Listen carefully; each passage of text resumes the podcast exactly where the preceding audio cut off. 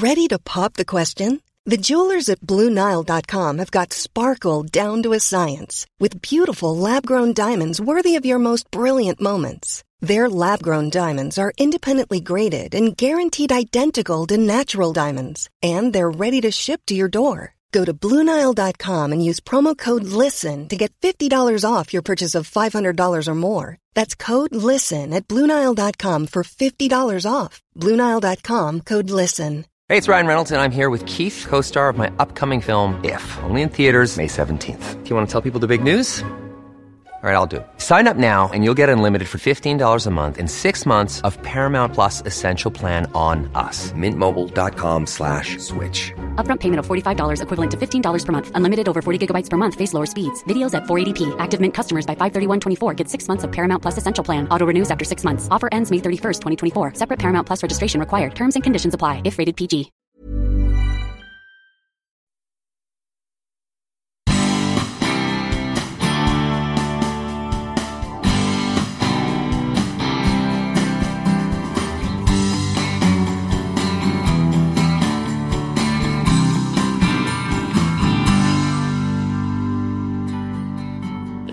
Så att medan mina bröder eh, fick eh, julklappar och mina syskon fick julklappar och, och, så fick jag kanske en liten sak. Eh, för att tydligt markera att jag hade eh, gjort fel mot dem. Eh, på sjukhuset, väl tillbaka på det statliga sjukhuset där jag låg, eh, så sätter de ju upp en, en skärm. Ehm, som jag ska i, i princip få dö bakom. Efter att jag hade varit hemma i några dagar så fick jag möta henne. Och att liksom se att hon stod kvar. Hon hade växt, hon hade... Hon stod kvar, liksom min dotter stod kvar och väntade på mig. Jag blir många gånger berörd av mina gästers historia.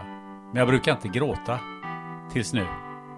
Det här är berättelsen om bilhandlardottern Kristin Jansson som växer upp i en gränslös familj där slagsmål befrämjades och förnedrande ord var vardagsmat. Affärerna befann sig ofta i den så kallade gråzonen och lurade man någon så applåderades det. Men Kristin var annorlunda. Hon ville göra fint, ha socialt umgänge och viktigast av allt, hon ville bli älskad och uppskattad. Här börjar den hårresande och djupt tragiska historien med trasiga förhållanden, bedrägerier och hot från grovt kriminella. Det leder till slut hela vägen till ett 55-årigt straff i ett av världens värsta fängelser i Etiopien. Det höll på att ta hennes liv. Jag har aldrig lärt mig så mycket och förstått hur saker hänger ihop som efter det här samtalet. Att livet inte kan eller skall förstås genom kolsvarta kvällstidningsrubriker har aldrig blivit tydligare. Det här är också det längsta avsnittet någonsin i poddens historia. Att dela upp det i två delar var omöjligt. När du lyssnat färdigt så förstår du varför. Här kommer Kristin Jansson.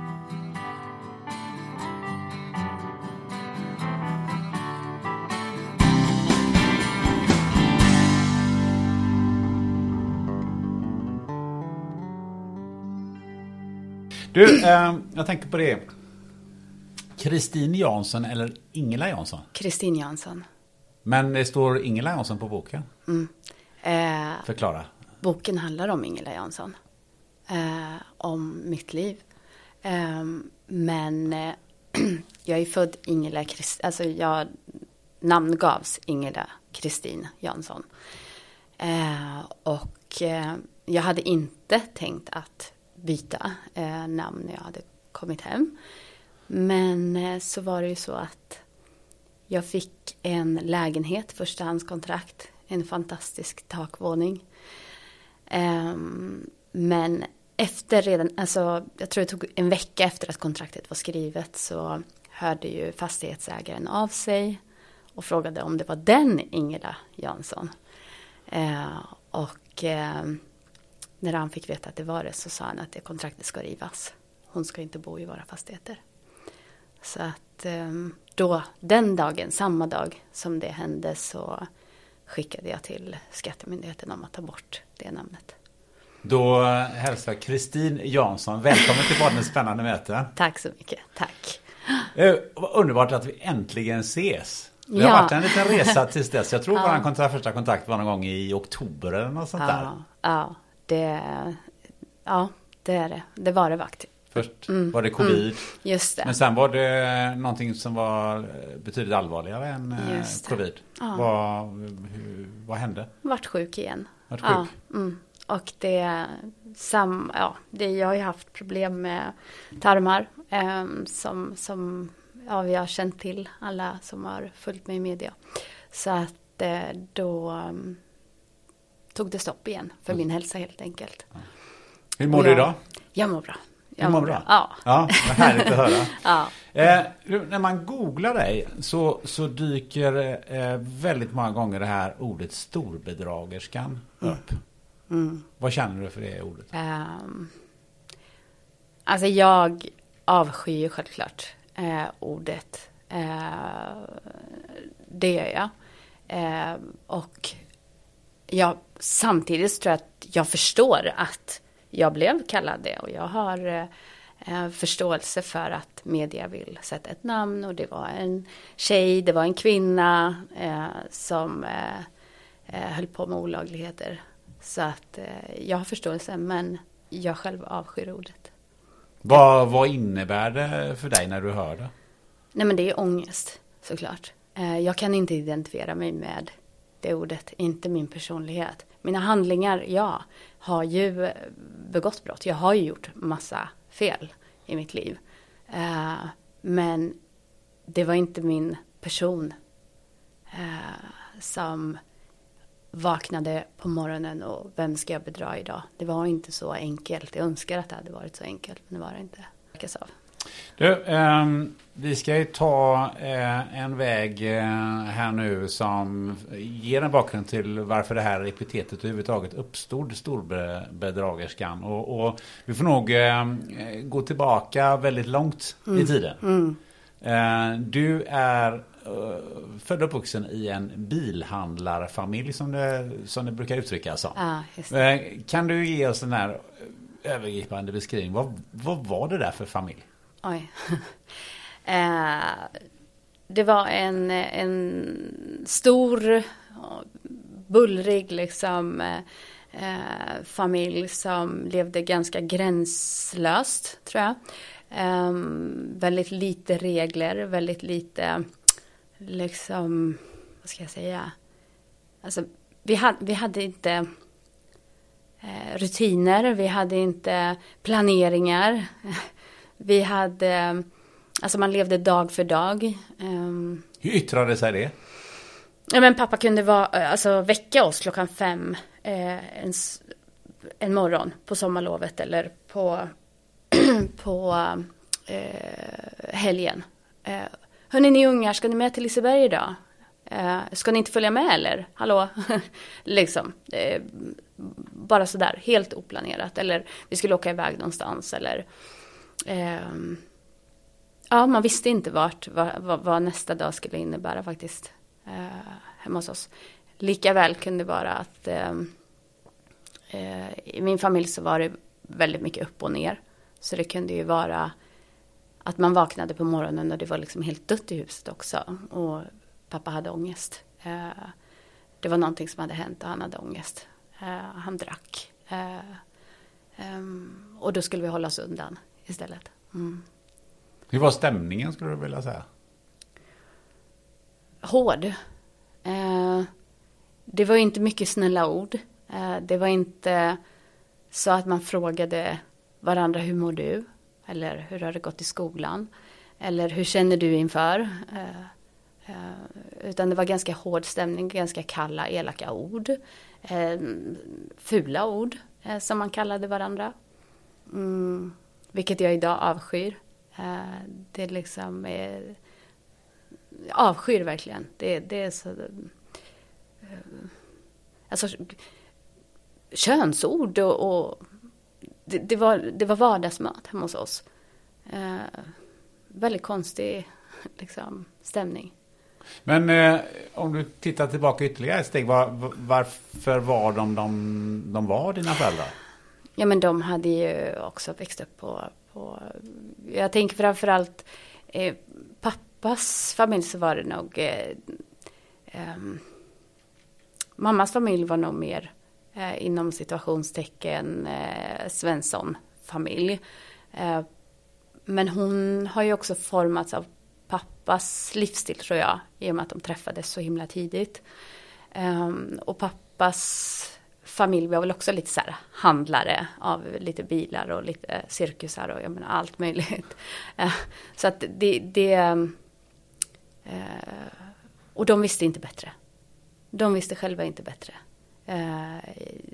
Deras sätt att leva var inte, tror inte jag, i grund och botten att de var elaka människor utan det var ju deras uppväxt och deras liv som hade format dem.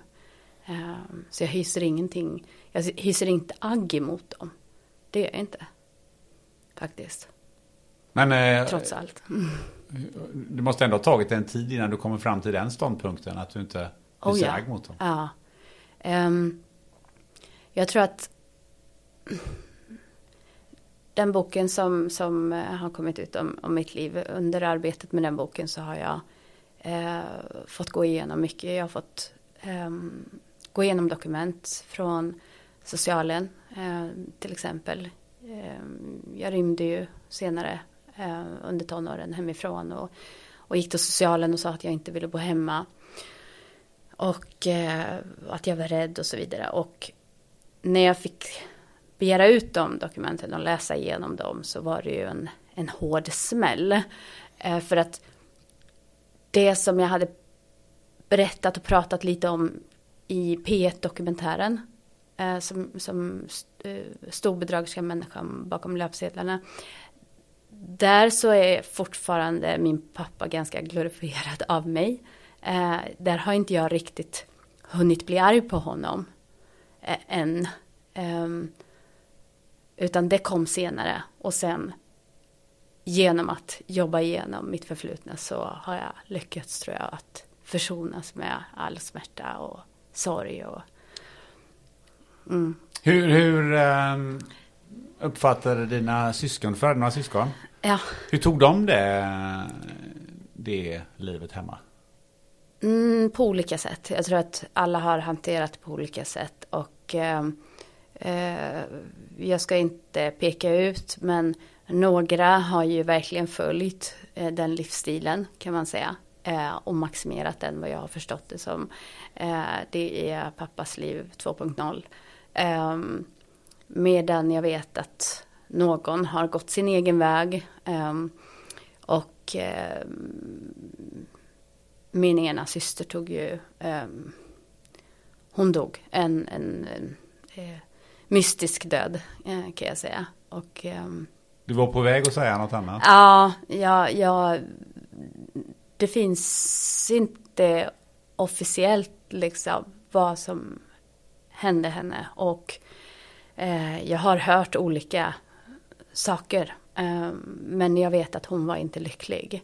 Eh, hon var verkligen inte lycklig. Eh, hon mådde väldigt, väldigt dåligt.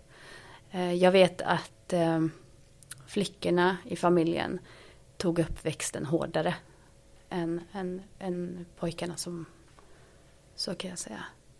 Men eh, jag tänker på, eh, hur, såg den ekonomiska situation, situationen ut hemma hos er? Den var ju, eh, eh, det fanns ju alltid pengar. Eh, och eh, min, mina föräldrars sätt att uttrycka kärlek till oss var ju genom att förse oss med allt som ett barn kunde drömma om eh, materiellt. Vi hade ju enormt mycket leksaker. Det, det, det, det är inte normalt eh, att åka och handla nya leksaker för tusen lappar varje helg. Alltså, det, det, det var ju som sagt gränslöst, väldigt, väldigt gränslöst. Um, om man hade sönder en sak hemma så vet jag att mamma sa, hopp, det gör ingenting, vi köper en ny. Och, och det där är liksom, eh, pengar hade inget värde eh, alls, utan man, man gjorde nya pengar. Sen hur de gjordes, eh, det var ju, det var ju, kan man säga, gråzonen som jag har kallat det tidigare. Liksom. Vad, vad kunde Eh. det bestå av? Vadå gråzon? Eh, pappas affärer ehm, och mammas, för de, de jobbade ju tillsammans. Men affärerna var ju inte alltid 100% ärliga, vad jag förstod även som barn. Ehm, och det var ju bilaffärer framför allt. Det har ju varit fastigheter, det har varit liksom hästar, det har varit allt möjligt som, som de har handlat med. Eh, så att vi fick ju lära oss tidigt eh, att man, man är liksom duktig eh, om man betalar så lite skatt som möjligt till exempel. Eh, då är man smart. är man smart om man lurar någon? Ja. Eh, ja, jag uppfattade det så när jag var eh, liten, när jag levde i den familjen. Så uppfattade jag det så. Um, Hur kunde det uppmuntras? Eh, vilka sätt kunde det uppmuntras? Nej men jag, jag, jag har en sån här eh, bild när, när, när en bil har sålts och det kan vara liksom när kunden åker iväg så, så kan stämningen vara väldigt lättsam och eh, pappa som säger att eh, ja, får vi se hur långt den går, den bilen liksom. Hos oss har vi runt hörnet garanti. Eh, det var ett uttryck som, som användes hemma flitigt. Eh, vilket innebar då att det fanns en garanti så länge man såg bilen. Eh, kan vi prata om 10, 15, 20, 100 meter. Var det lika glatt om eh, köparen kom tillbaka? Nej men de hade ju alltid rätt. Eh, vi har banne mig inte lämnat någon garanti eller vi har banne mig inte, ja. Så att eh, det fanns ju aldrig den här uh, självinsikten eller ödmjukheten inför att oj, vi har gjort fel eller vi har trampat någon på tårna eller en barnfamilj som behövde pengarna till annat. Det fanns inte. Vad får man för umgänge som familj eh, mm. när, man, eh, när man är sån? Ja, man, man får ju inget umgänge. Så i vår familj så var vi ju väldigt avskilda från eh, sociala sammanhang. Eh, vi, det var vi mot dem. Eh, det var, eh, eh, jag minns som, som liten upp till att jag gick i kanske tvåan, att de hade något par som de umgicks med någon gång. Men, men det var ofta liksom att de åkte iväg till dem. Eh, och jag, jag minns ett eller två besök av den familjen. Eh, under min uppväxt. Eh, I övrigt så var det ju eh, andra bilhandlare eh, som de gjorde affärer med. Som de, eh, ja de åkte iväg dit, gjorde affärer. Eh, men, men inte liksom i övrigt. Och vi barn skulle inte trivas hos kompisar. Sova över hos kompisar och sånt. Det var inte uppskattat när vi ville göra det. Varför det? Um, nej men det, det, vi, vi hade det bäst hemma. Vad skulle vi dit och göra? Uh, varför skulle vi trivas någon annanstans? Vi hade ju allting hemma. Var man lite rädd för att ni skulle trivas bättre någon annanstans då? Det tror jag, absolut. Uh, och jag fick ju höra ofta att om det inte passar här, då kan du flytta, då kan du bo någon annanstans. Eh, kan skicka dig på fosterhem istället med en äcklig pappa som kladdar på dig. Fick jag höra. Det var hotet det, alltså? Det var någonting som jag växte upp med. Eh, de orden. Så jag var ju alltid väldigt rädd att liksom hamna på fosterhem. Om jag inte skötte mig, om inte jag var nöjd med det jag hade hemma. Eh, våra vänner fick däremot komma till oss. Där de fick möjlighet att visa vilken, eh, vilken rolig familj vi var. Som, där det fanns, liksom, återigen, gränslöst med godis. Eh, vilken mat man än ville äta så lagade mamma. Eh, fick vara ute, jag minns liksom sommarloven, vi fick vara ute hur länge som helst, eh, ute och leka. Och, liksom, vi hade hästarna, vi hade såna här krossar, vi hade cyklar, mopeder i oändlighet. Liksom. Alla sådana där roliga grejer. Och det är klart att ungar som kom tyckte det var jättehäftigt att vara hos oss. Fast det har kryllat med ungar? Ja, ja, ja, det gjorde det. Det gjorde det. Eh, det, det, det så var det. Det var mycket barn liksom. Ehm, jag, jag hade inte jättemycket kompisar eh, som, som var. Men jag vet att alla hade nog en eller två bästisar liksom, som brukade hänga eh, hos oss på somrar och lov och så. Men jag vet inte om det kan bero på att jag valde an, an, an, liksom andra typer av vänner. Eh, som, som, för de triv, mina vänner trivdes inte så bra hos oss. Varför det? Eh, jag vet att jag hade en eh, kompis som hon, hon tyckte att det var lite obehagligt hemma. Det dracks ju ganska mycket. Ehm, och eh, jag vet inte. Det är liksom... Nej, det var inte... Men hur skulle du vilja karaktärisera de bästisarna som du hade? Som hur de skilde sig? Ja, alltså jag vet inte men, men min ena eh, bästa kompis levde i en ganska fin familj som, som jag ser det fortfarande än idag. Liksom. Det var två barn, en mamma och en pappa eh, med ordentliga jobb. Eh, jag vet att pojken, hennes bror, blev brandman och hon blev lärare senare. Eh, vilket, det var ju min bästa vän när jag eh, liksom var i, i mellanstadieåldern.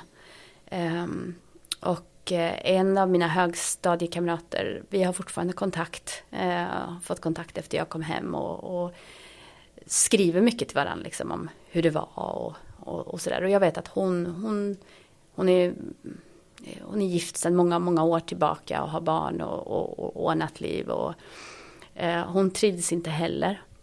Jag vet att min eh, första pojkvän som jag hade som han trivdes inte heller liksom eh, i, i den miljön som var hemma hos oss. Så att eh, jag vet inte om det vad det kan bero på. Det är först nu när du ställer de här frågorna faktiskt som jag eh, eh som jag reflekterar över det. Men då måste du på något sätt ha hamnat sådär mittemellan. Det var väldigt mycket mittemellan. Jag var eh, jag brukade säga att jag var utstött eh, ur familjen, vilket jag också blev retad för av mina bröder särskilt som tyckte att det var jätteroligt. Eh, jag var ju känslig. Ehm, jag tyckte om att vara snäll.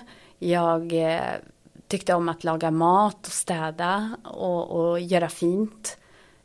Ställa blommor på bordet. Ehm, de andra syskonen ehm, kunde vara ute och röja liksom olika lekar och motocross och, och hästarna och komma in och kasta sig i, i sängen, liksom komma utifrån och kasta sig i sängen medan jag stod och pillade bort skräpet under naglarna i, och tog en dusch innan jag gick och la mig. Och då tyckte de att eh, jag trodde mig vara liksom för mer eller eh, var finare än dem. Att jag trodde mig vara det liksom.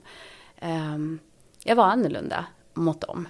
Samtidigt som där ute passade jag ju inte heller in. För jag var ju en, då inom citationstecken, vreder. Som vår familj hette då i efternamn. Eh, så att det var inte lätt att stå där. Eh, och, och, och, och, söka sig själv i, i allt det här kaoset. Så vad jag hör är liksom att å ena sidan måste du varit grymt populär för ni, de kom hem till er och de, alla andra unga kunde ha mycket grejer som helst att leka med. Och å andra sidan så var du inte så populär. Fanns det någonting hos föräldrar också att andra sa men de där mm, eh, mm, kan man det, inte umgås med? Det var mycket så. Det var mycket så. Eh, och eh,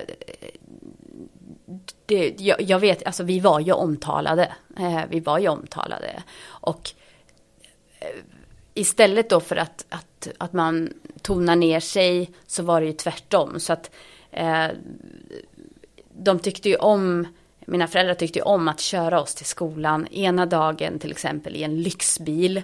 Eh, medan nästa gång, nästa dag så ville de köra mig till skolan i en sån här gammal skruttig inbytesbil. Bara för att liksom väcka uppmärksamhet och, och, och sådär. Men och jag skämdes ju när jag kom i den där skruttbilen då dagen efter. Och, och, och jag ville gömma mig och, och, pappa kunde sätta sig och skratta och köra runt och liksom Eh, sladda i samhället bara för att de ska se att det, kom, det var så konstigt liksom. det var jättekonstigt.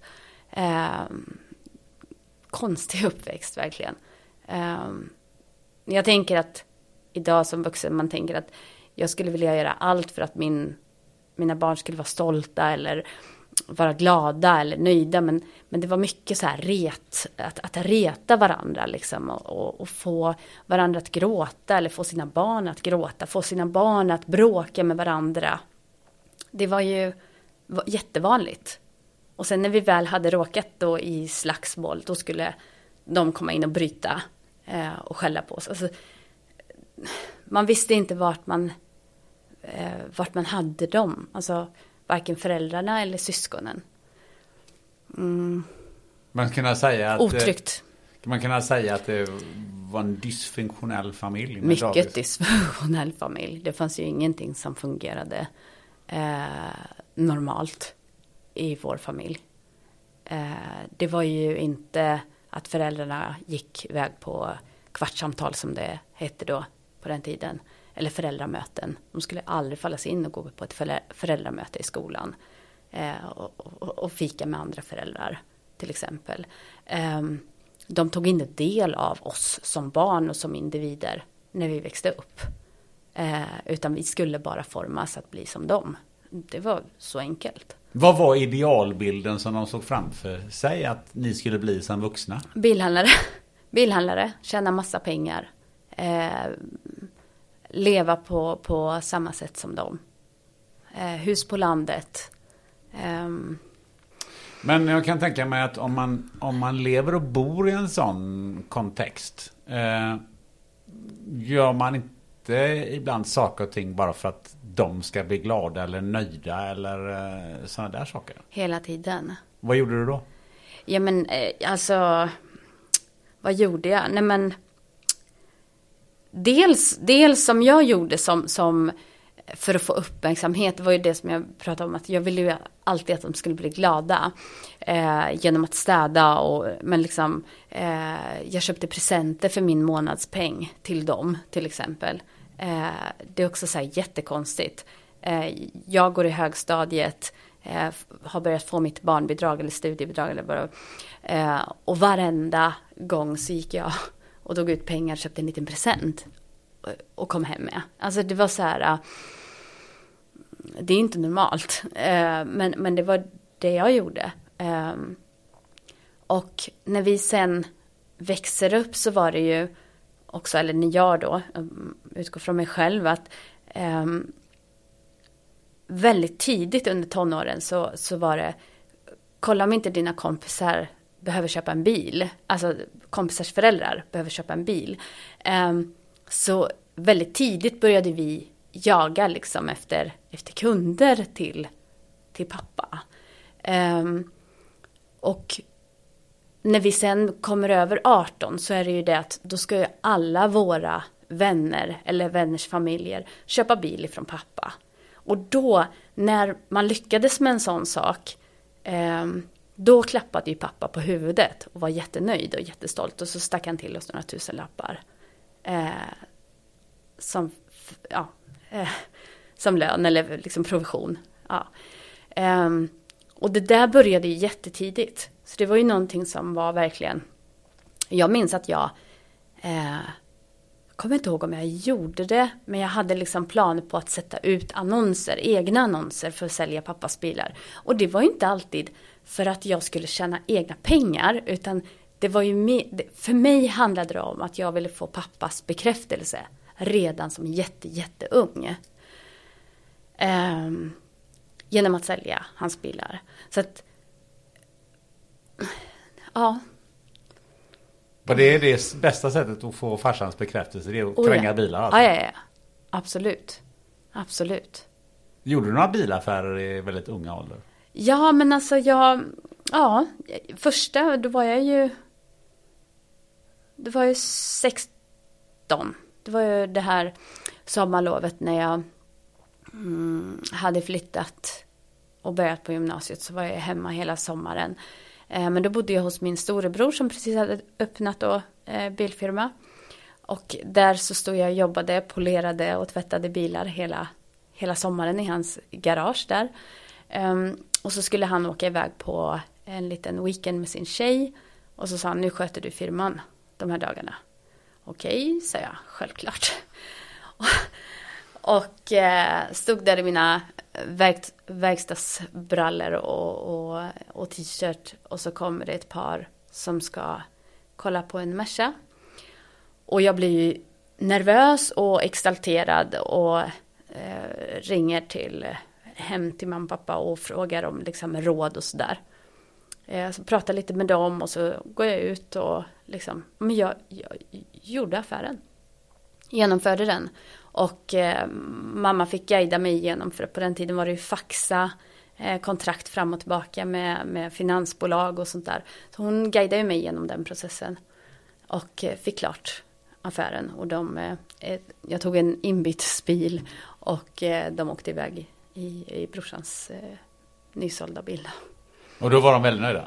Då var de väldigt, väldigt nöjda. Då fick jag många klappar på huvudet. Men du sa att du hade flyttat hemifrån för att gå i gymnasier. Eh, hur, hur togs det emot när du plötsligt fick för att du, jag ska flytta hemifrån? Det var ju då en... Eh, mm, när jag var tonåring så blev det mer och mer påtagligt för mig att den här familjen är inte, den kändes för mig inte normal. Eh, när jag hade varit hos mina kompisar, hälsat på, jag hade, men liksom, man ser att en mamma som frågar hur dottern mår. Eh, alltså, det, jag vet inte, jag, jag, jag började vantrivas mer och mer. Och fick ganska, för minsta lilla sak så fick jag väldigt hårda straff. För jag skulle vara pappas flicka, så var det bara. Och eh, när jag inte ville vara det så fick jag väldigt hårda straff hemma. Vad kunde det vara?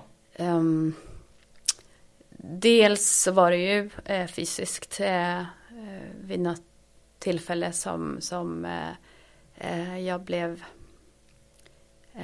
fysiskt bestraffad.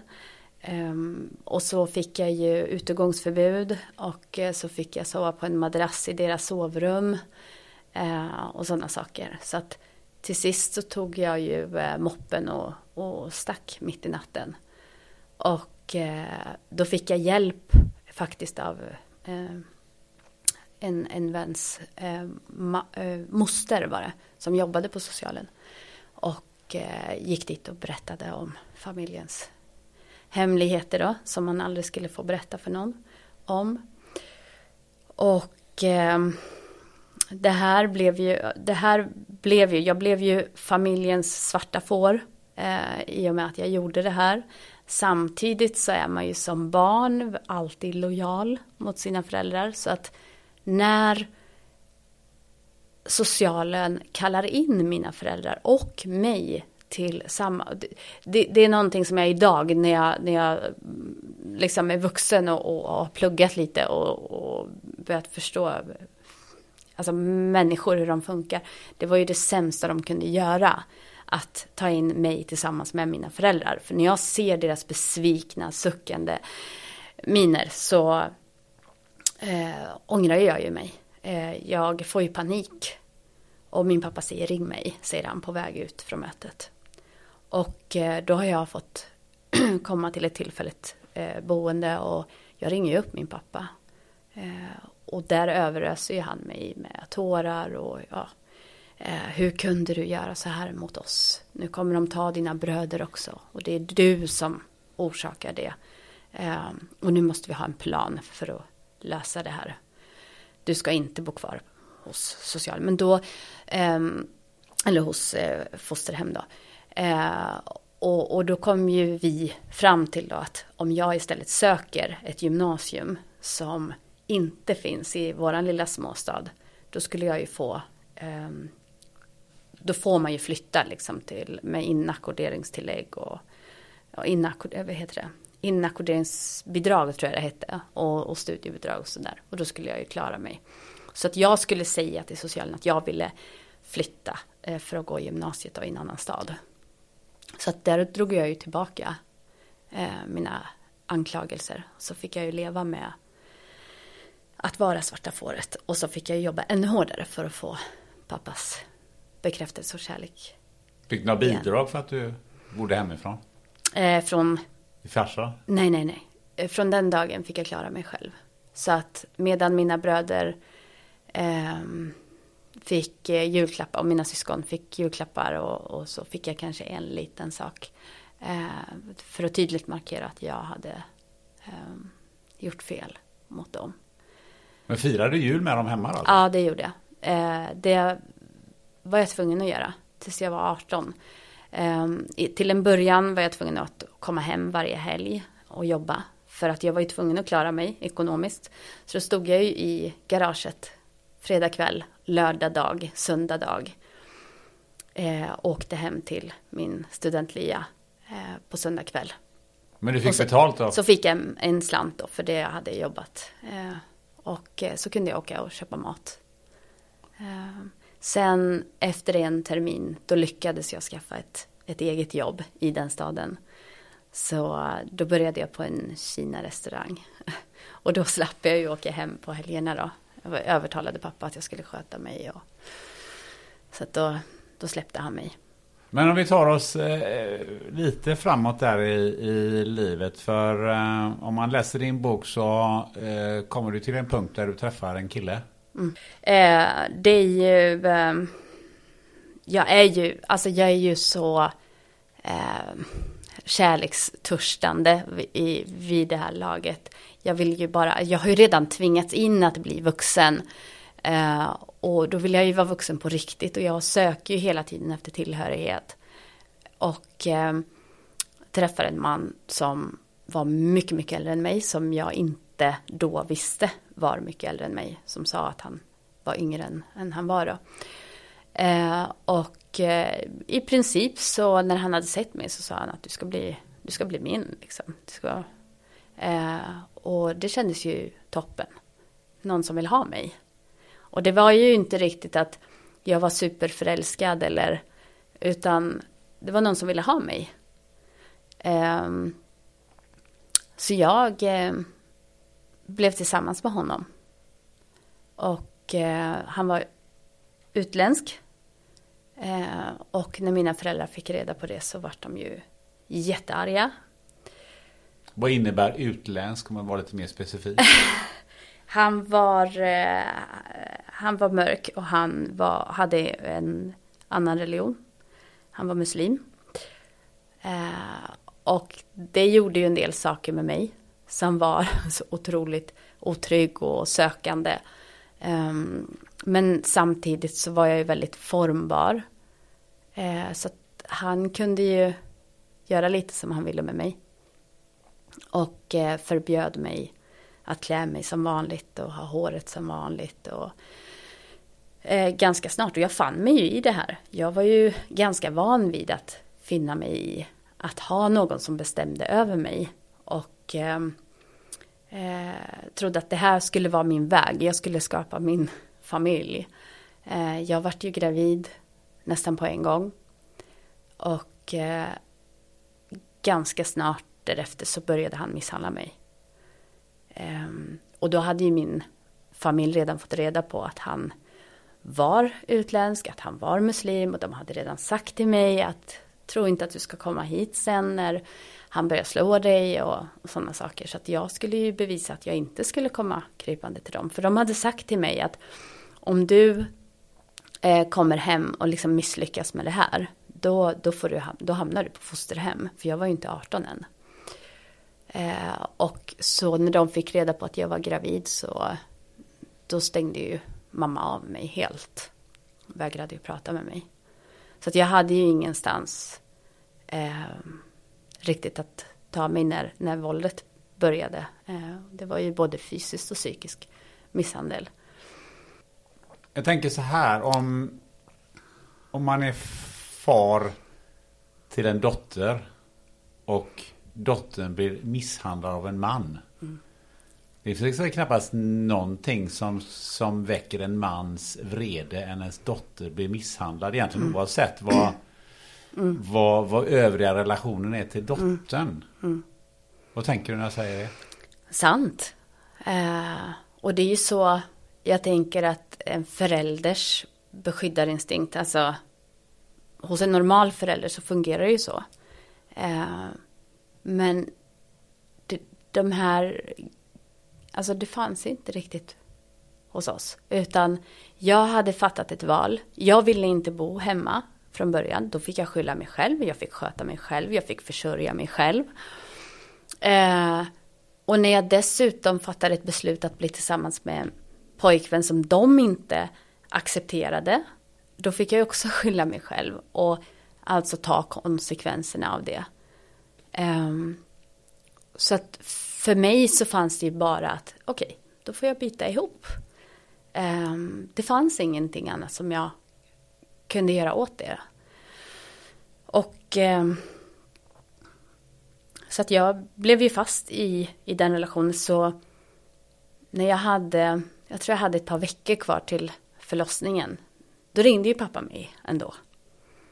Och och eh, så sa han, att ah, du vet hur mamma är, hon kan bli sådär. För hon, hon hade sagt att tro inte att du ska komma här med din unge. Liksom.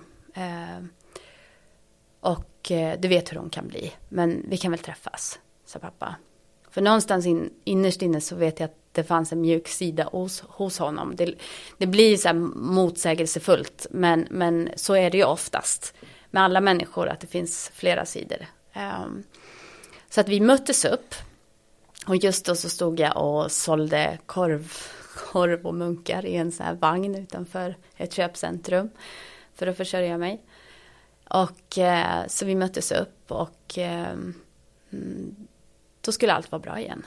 Och så sa pappa att eh, du är välkommen hem, men inte eh, din pojkvän då. Ehm, så att eh, jag födde mitt barn ensam, utan någon, ja, vänner eller familj som kom till sjukhuset. Eh, mannen, han var ju absolut inte där. Eh, han hade följt med in och sen åkt hem och han var ju man.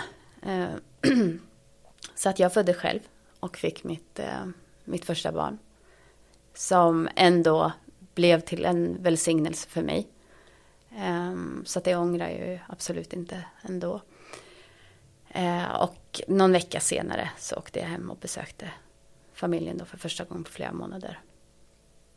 Och ganska snart, eh, då hade jag ju hunnit fylla 18 så att ganska snart så började pappa prata om att vi kanske skulle starta en bildfirma tillsammans trots allt. Mm, och då var ju jag ju mer än, eh, alltså för mig så vart det ju, åh pappa vill ha mig igen. Underbart, absolut. Så han sa att eh, han skulle starta en bilfirma i mitt namn då. Jajamensan, sa jag. Och eh, han satte då eh, firman i mitt namn. Han ställde sina bilar på en, vid en hyrd lokal och så skulle jag sitta där. Och jag hade ju med min dotter. Eh, det var efter några månader där. Och, så jag hade med min dotter. Så en dag så hade jag ju fått eh, stryk. Och hade blåtira. Och eh, min bror ser, för min bror var också där mycket. Och ser det här. Och så skrattar han och så säger han har, har du äntligen fått eh, stryk nu? Och så hånskrattar han. Och så går han därifrån. Och jag är övertygad om, jag vet att pappa också visste det. Eh, och han nämnde ju senare att vi fattar att sådär. Men det var ju liksom ingen reaktion. Vad tänkte du där och då? Min bror krossade mitt hjärta. Vi har inte haft en nära relation eh, någonsin förutom den sommaren som jag var och jobbade åt honom på hans firma. Men trodde ändå någonstans att det var att det fanns några syskonband. Men. Så det, det var jobbigt. Att, att liksom veta att man inte betydde mer än så. Men de hade ju också en, de hade ju en sorts... Det, låg, det som jag gjorde emot dem, att jag gick till socialen, att jag gick faktiskt och berättade om hur det var hemma. Det, det, det var ett, ett, jag tror att det var ett hat liksom som fanns inom dem. För att jag hade gjort det. Då, i, I deras värld hade jag ju svikit eh, familjen. Hur tog du dig vidare från det? Ja. Nej men det, det, det, det, var en del av mitt liv. Det var en... en mm, det var så bara. Alltså, jag, jag, lärde mig nog väldigt, väldigt tidigt att jag var tvungen, tvungen att acceptera saker för vad de var. Att bli slagen? Att bli slagen eller att bli hånskrattad åt av, av sin egen familj. Att eh, fortsätta att bara fortsätta liksom söka, fortsätta vilja ha. Jag var ju, jag ville ju egentligen bara ha liksom kärlek ifrån dem. Eller uppmärksamhet från pappa. Men mm. fick ju inte. Men en dag så sa du att nu räcker det? Ja. Eh, vi, eh, det var så här att eh, efter en tid så lades firman ner. Det var för mycket familjekonflikter på grund av det här och eh, jag, eh, pappa flyttade hem sina bilar och sålde firman, vad han nu gjorde med den. Och eh, jag blev kvar där i min misär och liksom livet återgick och jag kände att jag kan inte leva kvar på det här sättet. Ehm, jag började förstå att jag kommer att liksom hitta en väg men jag visste inte hur ännu. Och jag hade ju heller inte så många, liksom, i, jag hade ju inte så många i min närhet, personer som jag kunde lita på eller som var varken vänner eller så. Jag hade ju isolerat mig väldigt, väldigt mycket. Och eh, en dag så gick jag och sökte ett jobb. Eh, och eh, som jag fick.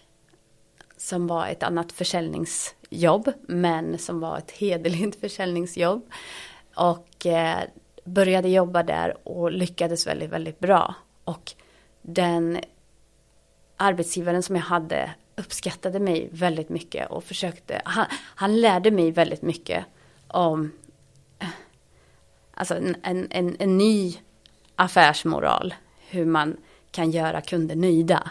Det var, det var någonting som han lärde mig. Han lärde mig mycket med planering, med struktur, mycket saker. Och eh, jag började växa som person. Jag började förstå att jag faktiskt var bra på någonting och kunde bli uppskattad eh, på ett helt nytt sätt. Så en dag så, just som jag blir misshandlad så tar jag ju upp en, en skål liksom, som, som, som står i, i mitt hem och slår skålen i huvudet på, på den här mannen. Tar min dotter, min jacka, mina bilnycklar och springer därifrån. Och jag återvände aldrig till honom. Så att det, det, det, det jobbet, den arbetsgivaren och det, det nya som jag hade lärt mig fick mig att säga ifrån till sist. Och du blev inte förföljd av han som fick skålen i huvudet? Faktiskt inte. Eh, jag skickade dit min syster faktiskt, för jag, jag, berättade då när jag lämnade, för då hade jag bestämt mig att jag skulle lämna honom, så då vågade jag berätta vad han hade gjort mot mig. Så att min syster tog eh, hyresvärden i handen och gick och kastade ut honom och då förstod han att det var allvar. Så att om inte han lämnar min, för det var ju min lägenhet, så att om inte han lämnar den så så förstod han att då skulle polisen komma. Och hans papper var ju inte klara i Sverige. Eh, och det var ju någonting som jag fick reda på när jag var i nionde månaden. Så att eh, det var ju, ja, det var min räddning, tror jag.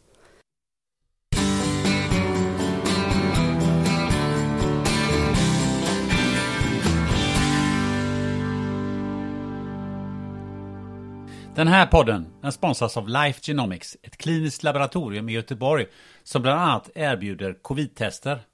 Har du precis bokat en resa på kort varsel och behöver PCR eller antigentest för covid-19? Ja, då kan du gå in på coronapassport.se för att hitta en vårdgivare i din närhet och boka en tid för test och friskhetsintyg. Life Genomics har samarbete med ett 150-tal kliniker över hela Sverige. Och om du reser från Arlanda eller Landvetter så kan du nu även testa dig direkt ute på flygplatsen vid Life Genomics Lab i samarbete med vårdgivaren Express Care. Där kan du få ett antigentest med reseintyg inom 30 minuter och ett PCR-test och reseintyg inom 2-4 timmar. Så, gå nu in på expresscare.se och boka din tid direkt. Tack, Life Genomics!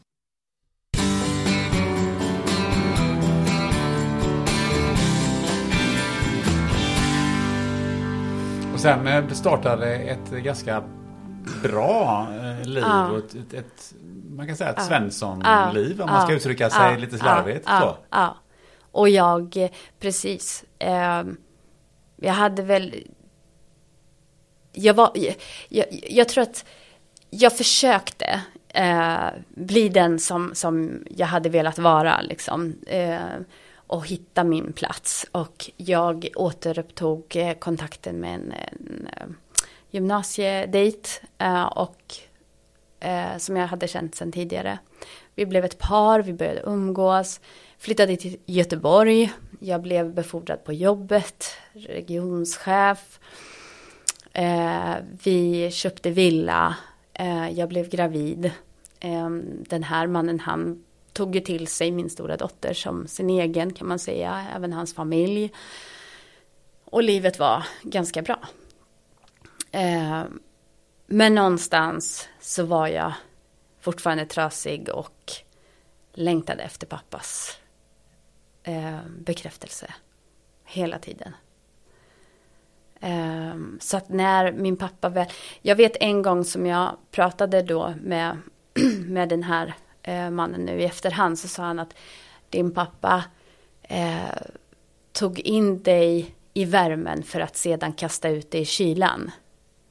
Eh, och det var så han gjorde med dig hela tiden, sa han.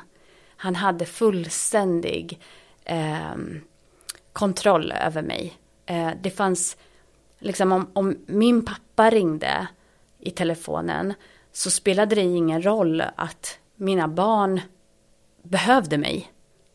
För att det var min pappa i telefonen. Det var, det, det, det, alltså jag skulle aldrig kunna säga pappa, jag ringer upp dig sen. Jag, jag måste ta mina, alltså det fanns inte. Sån liksom enorm makt hade han över mig psykologiskt. Eh, och eh, så att när pappa ringer och frågar om jag kan göra lite bilaffärer och om jag kan förmedla någon bil och sådär, så då gjorde jag ju det.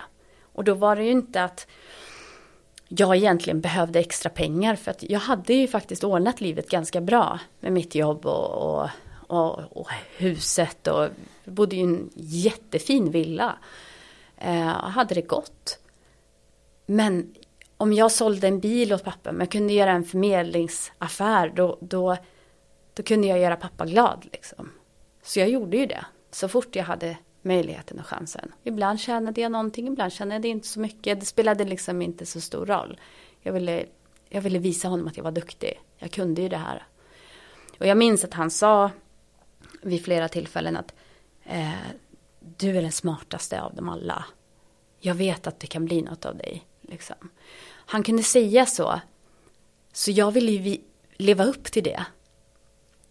Och för honom så var det ju inte att jag skulle plugga och bli någonting. Eh, för det hade jag kunnat bli. Eh, det var ju inte på, liksom, det kom ju inte på tal. Utan det var att jag var den smartaste, jag skulle kunna bli någonting.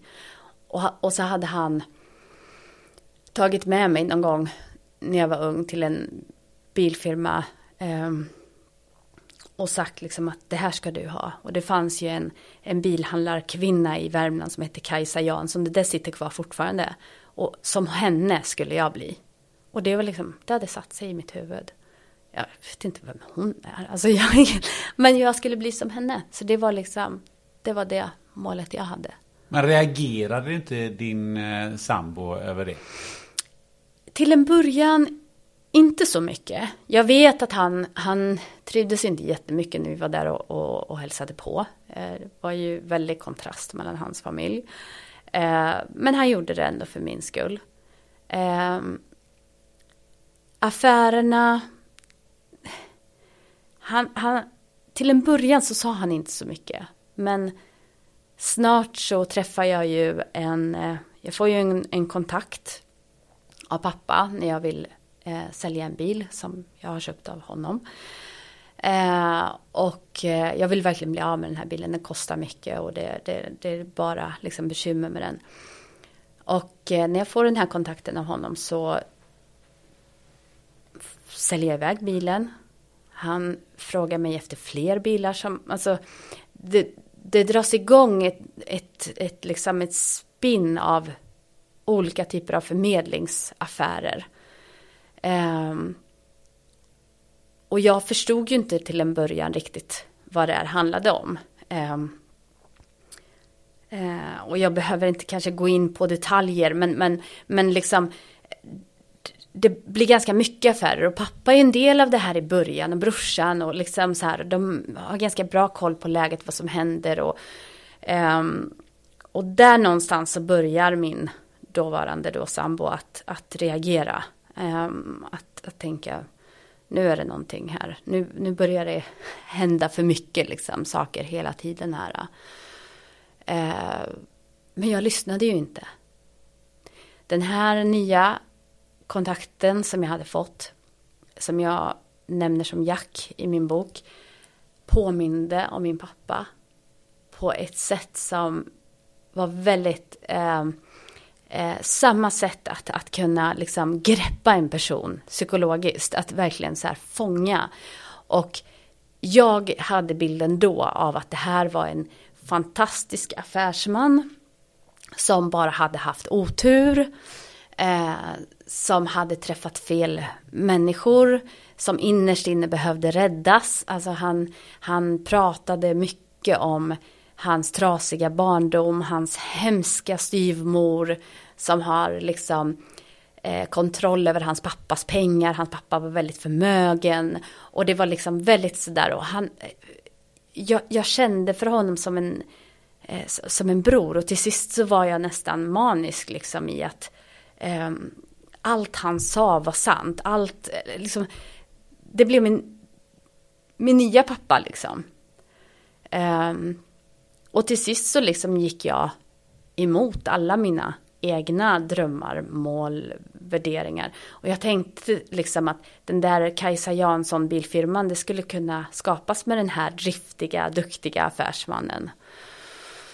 Ehm, men till sist så visade det sig att han i själva verket utnyttjar mig.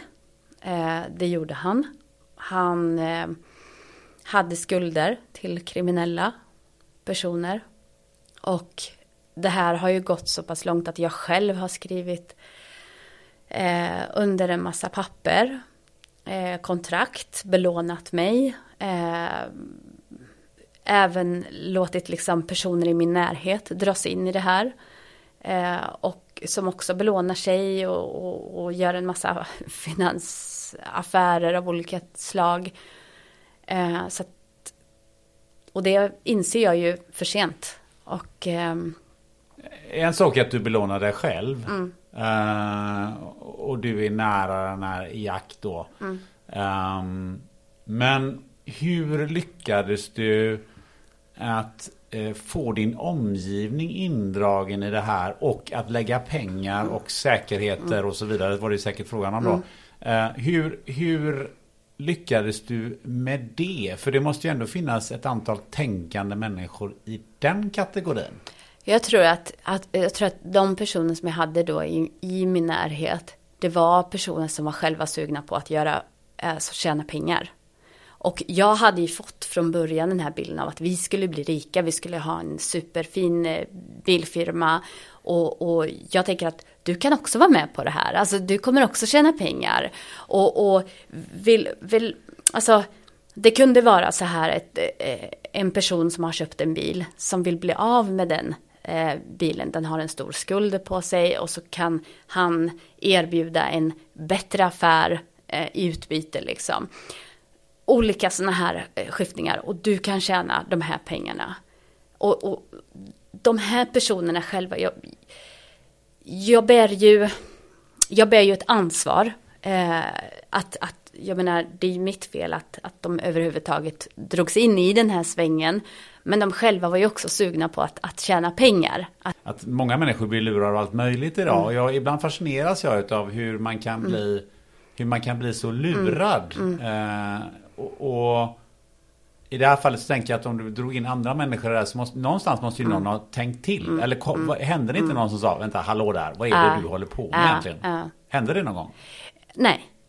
Nej. Alltså inte, nej, att jag blev ifrågasatt på det sättet. Och sen var det ju ofta så här också att eh, de här personerna lä, alltså introducerade jag ju till Jack, så Jack som jag kallar honom då i boken, han i sin tur målade ju upp samma bild som han hade målat för mig i princip. Alltså hur mycket pengar man kunde tjäna på det ena och på det andra. Och, och, och de hakade ju på det här. Um, jag ska inte säga något namn, det här är faktiskt första gången som jag, som jag pratar om det. Uh, I och med att du ger mig det utrymmet. Uh, det var en av mina bekanta som var med i det här, vars pojkvän faktiskt själv var en, en eh, halvkriminell, om man kan säga det på det sättet, som själv höll på med droger och liksom sådana här grejer. I, i eh, när, när liksom härvan senare sen hamnar i, i domstol och liksom allt det här, då är ju det här en oskyldig tjej som, som jag har lurat jättemycket till. Äh, så, jag ska inte peka på någon, men, men, men i själva verket så var ju inte det riktigt så heller, utan det här är personer som redan håller på med, med olika typer av affärer själva. Um, och jag tror inte heller att, uh, jag menar idag när jag är eh, en, en, en vuxen ansvarsfull person så skulle ju ingen kunna komma till mig och säga, men du häng på på den här affären, alltså låt oss tjäna pengar. Nej, men jag går till mitt jobb och tjänar mina pengar. Alltså någonstans så har man ju också ett eget, alltså ett ansvar över sitt eget liv såklart. Um, mm, så att, ja, men, men, men hur den är så känner jag ju mig ansvarig för att jag har, för jag lite senare sen in i den här perioden så börjar jag förstå vem han är. Och fortfarande att jag låter honom möta personer i min omgivning är ju, det gör ju jag ju ett fel. Det gör jag. Så att... Eh. It's that time of the year. Your vacation is coming up. You can already hear the beach waves, feel the warm breeze, relax and think about work. You really, really want it all to work out while you're away. Monday.com gives you and the team that peace of mind. When all work is on one platform and everyone's in sync, things just flow wherever you are. Tap the banner to go to Monday.com. Cool fact a crocodile can't stick out its tongue. Also, you can get health insurance for a month or just under a year in some states. United Healthcare short term insurance plans, underwritten by Golden Rule Insurance Company, offer flexible, budget friendly coverage for you. Learn more at uh1.com.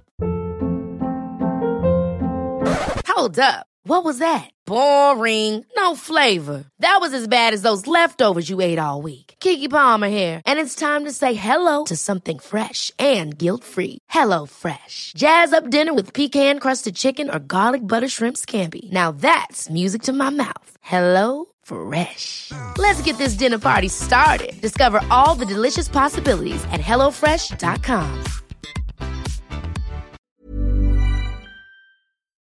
Fast man, man blir fortfarande, jag, måste, jag blir fascinerad av det här för att man, man tänker sig så här, okej, okay, här kommer nog någon bilhandlare, mm.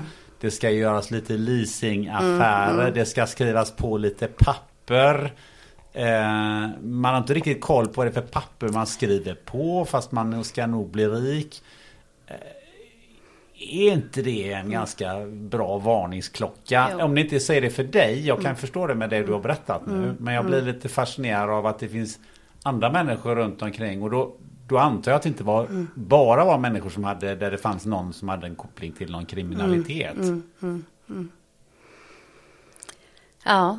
Nej, men eh, jag ja. tänker på mm. vad, vad det, jag, jag gräver lite i det. Vad, vad, vad, driver människor att ändå, att ändå riska sig själva på sådana saker? Har du nog funderat någon gång över det? Mm. I det här sammanhanget så tror jag att det är pengar. Eh, det tror jag. Eh, ja, det tror jag. Sen finns det ju alltid olika, det finns jättemånga vägar in i kriminell, alltså, eh, kriminalitet eh, och kriminellt tänkande. Eh, och, och som i, min väg in i det här, jag hade ju redan liksom, en grund hade ju redan lagts under hela min barndom. Eh, för mig var inte lite så här finans, eh, Eh, business eh, när man skriver på lite leasing och man får en 10 000 för att man har alltså, tagit ett kontrakt i sitt namn inom citationstecken. Alltså det var ingenting som var eh, konstigt för mig och det var absolut inte en kriminell handling för mig på den tiden. Jag visste inte bättre på riktigt liksom. Eh, så att det finns olika vägar in och kanske är det så att de heller inte förstod eh, bättre själva. De trodde att det här var helt grönt. De skulle bara stå som låntagare på ett papper. De skulle få 10 000 kronor i handen. Och de där 10 000 kronorna, snabba pengar, lockade i den stunden. Och det kanske inte behöver vara mer komplicerat än så. Eh, och sen tror jag att vi ska komma ihåg också att vi alla under den här perioden var väldigt, väldigt unga. Vi var unga, vi var jätteunga. Jag var 21, 22, jag var 22 år gammal. Alltså 22 år gammal. Som hade växt upp med pengar, eh, med bilaffärer, som sökte efter någonting och visste inte riktigt vem jag var ännu. Och många personer i den här kretsen var ju likasinnade. Eh, även om de inte hade växt upp med samma. Så vi ska inte glömma det eh, heller. Eh, och, och, jag eh, vill vara försiktig med att, att eh, skuldbelägga någon. Eh, eh, den enda som jag haft svårt att, att eh, eh, förlåta, men som jag ändå någonstans har, har gett den uppgiften till, till Gud, det är faktiskt han, Jack. För han var så otroligt beräknande, han visste precis att han skulle förstöra mitt liv. Han visste precis att han skulle förstöra för mig och mina vänner, mina bekanta. Han visste det, han visste precis vad han gjorde. Han hade en skuld att betala. Han hade valt att, som senare också kom fram, använda droger. Eh, han hade valt liksom eh, att lura de här kriminella. Han hade ju själv valt det. Eh, och, och, och om han inte hade valt det, om han har sin väg in i det, men han valde att dra in andra människor och verkligen utsätta och för, förgöra människors liv. Eh, vi pratar om inte bara mig själv utan andra tjejer som också hade barn. Eh, det, det, det, det, han har jag väldigt svårt att, att, att liksom släppa. Eh, men ändå så, så, så står jag för liksom det jag har gjort. Och sen kommer vi till eh, en punkt där jag blir eh, satt på prov. Att jag ska välja om han ska få leva eller om han ska dö. När det här kriminella, eh, de här kriminella personerna kommer till mig. Eh, och eh, vet att, att jag har samröre med den här personen. Eh, så ställer de det ultimatumet till mig. Vill du att han ska leva eller vill du att han ska dö? Om du vill att han ska leva så får du lösa hans skuld.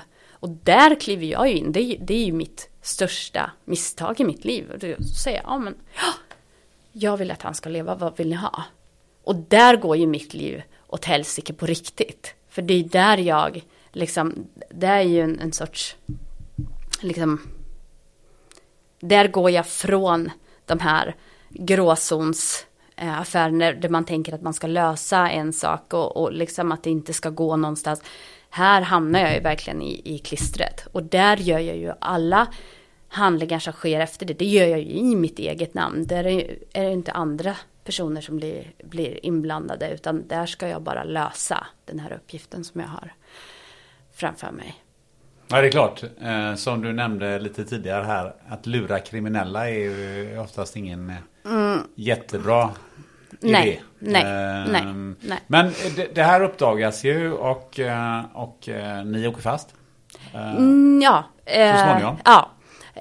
vi, det, det, slutar ju med att jag har, har gett de här kriminella det de ska ha. Men de fortsätter att vilja ha mer av mig. Jag lämnar eh, Europa. Eh, Jack följer med. Eller lämnar Sverige, åker ut i Europa. Jack följer med. Och eh, vi snurrar runt i Belgien. Eh, det är en väldigt, väldigt, väldigt snurrig period. Och eh, eh till sist så, de få bilar som jag eh, har kvar då i, i mitt namn får jag ner dit. Och eh, eller vi får ner dem. Och då är det någon som misstänker att det är stulna bilar.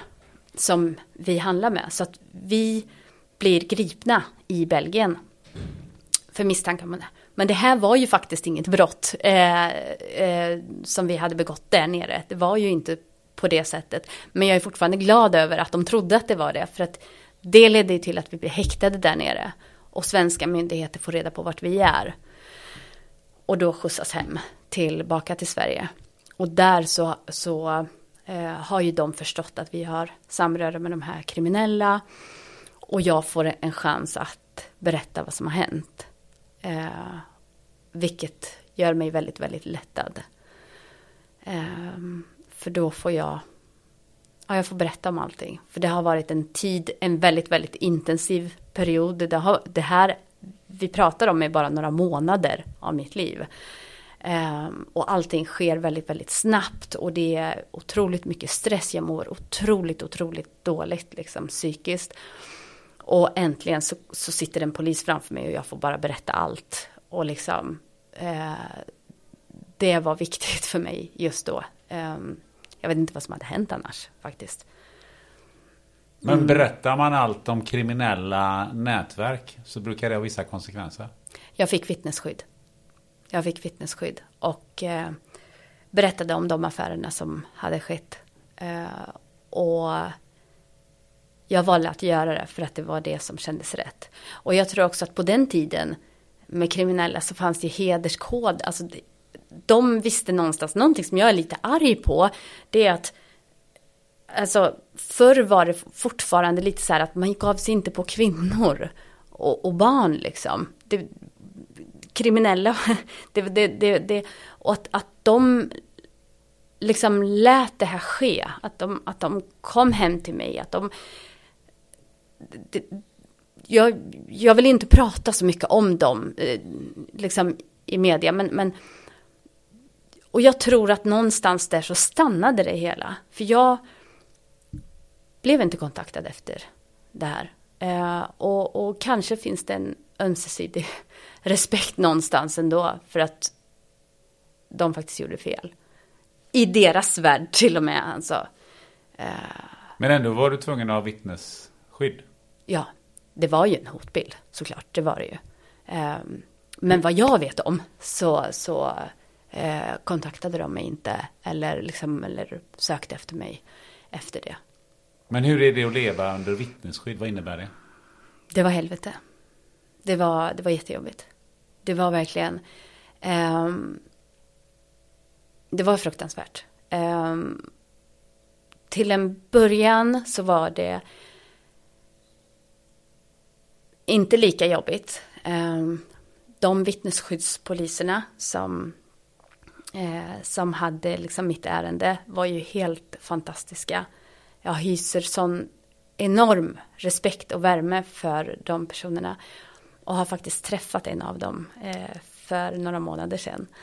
Eh, som är nu mera pension, pensionär och eh, helt fantastisk människa. Jag, men, men jag var så trasig, jag var så liten, jag var så trasig, jag var så, liksom, jag försökte hela tiden liksom hitta någonting, någon att hålla fast vid, liksom, någon som skulle ta hand om mig och vischa mig. Det var ju så det, liksom. Och eh, när de inte hade den tiden längre, för men, de fick ju nya uppdrag, de hade ju mer att göra.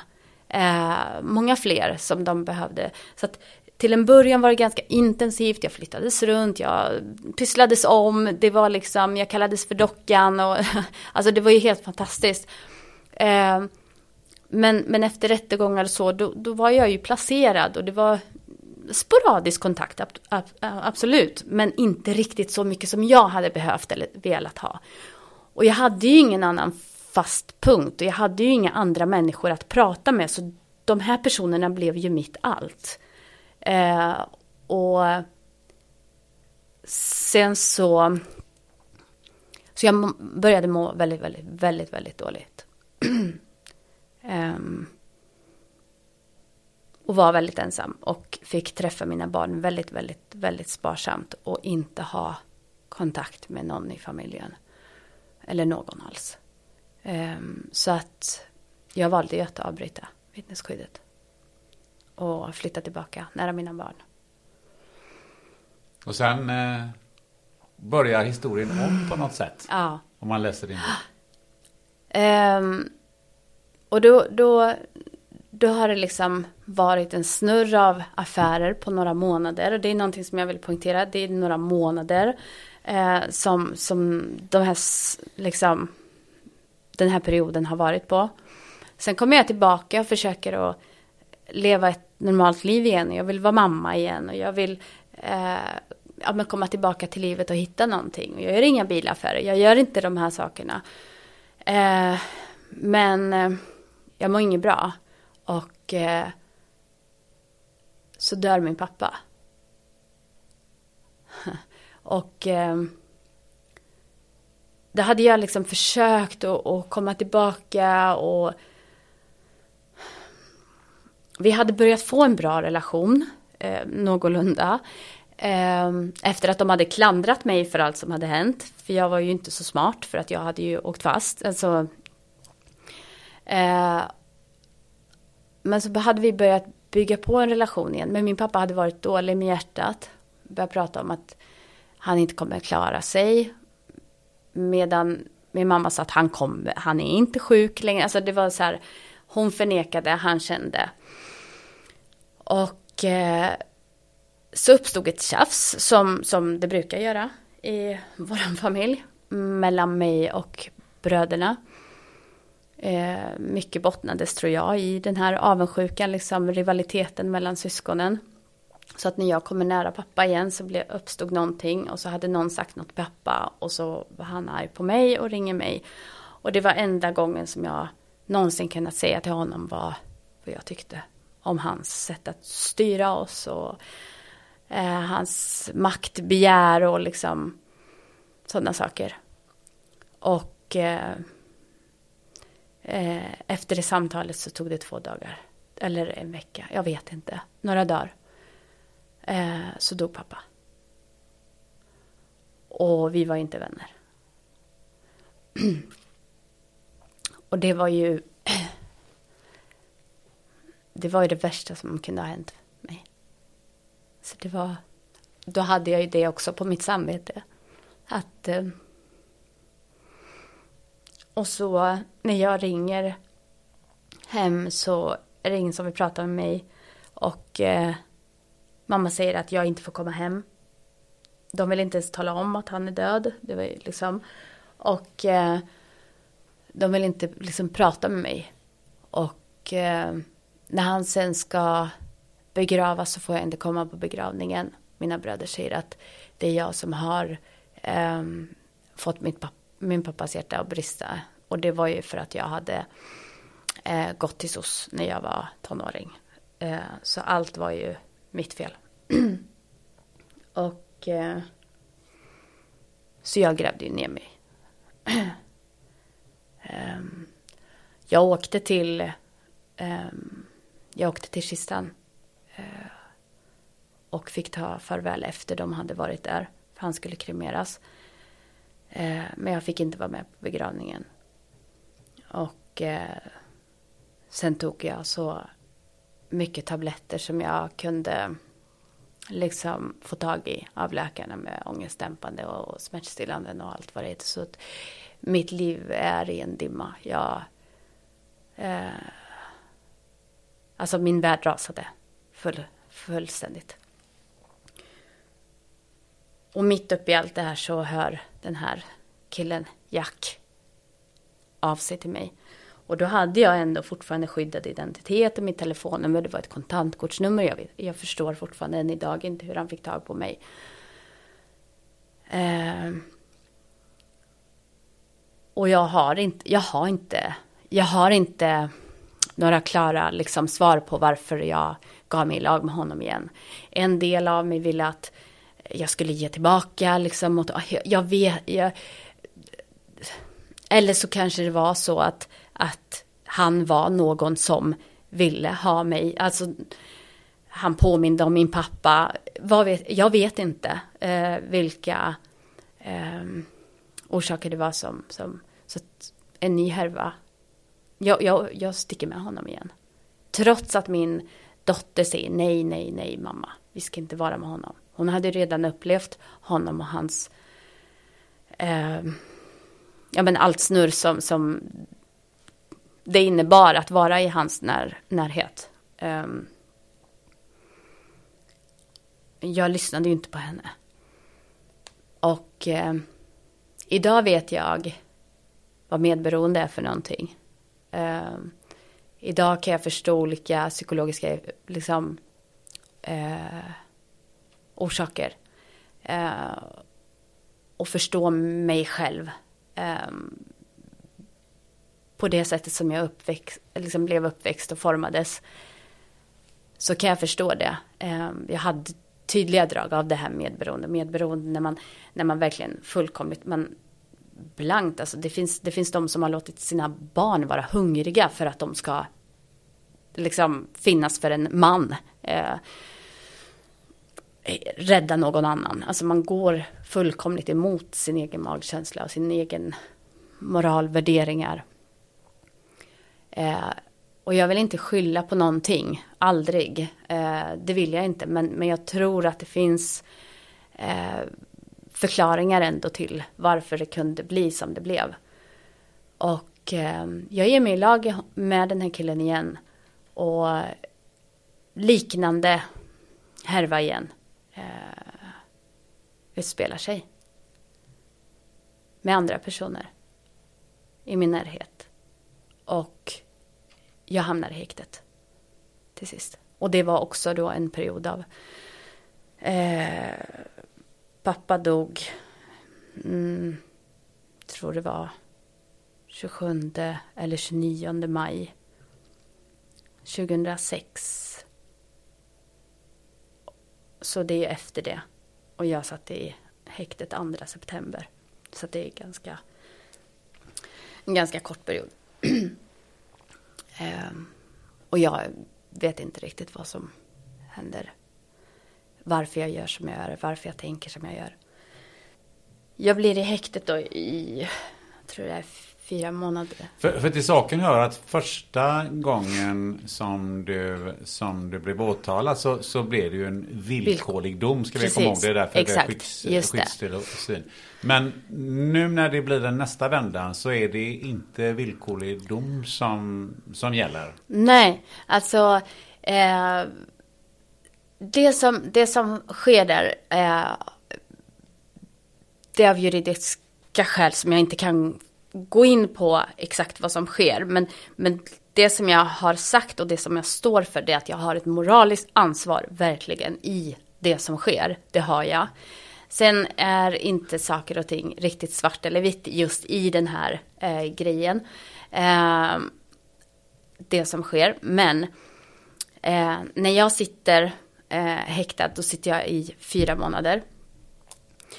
Kommer ut eh, ifrån häktet eh, när ett bevis faktiskt till min fördel som kommer fram, då släpps jag i, eh, ifrån häktet.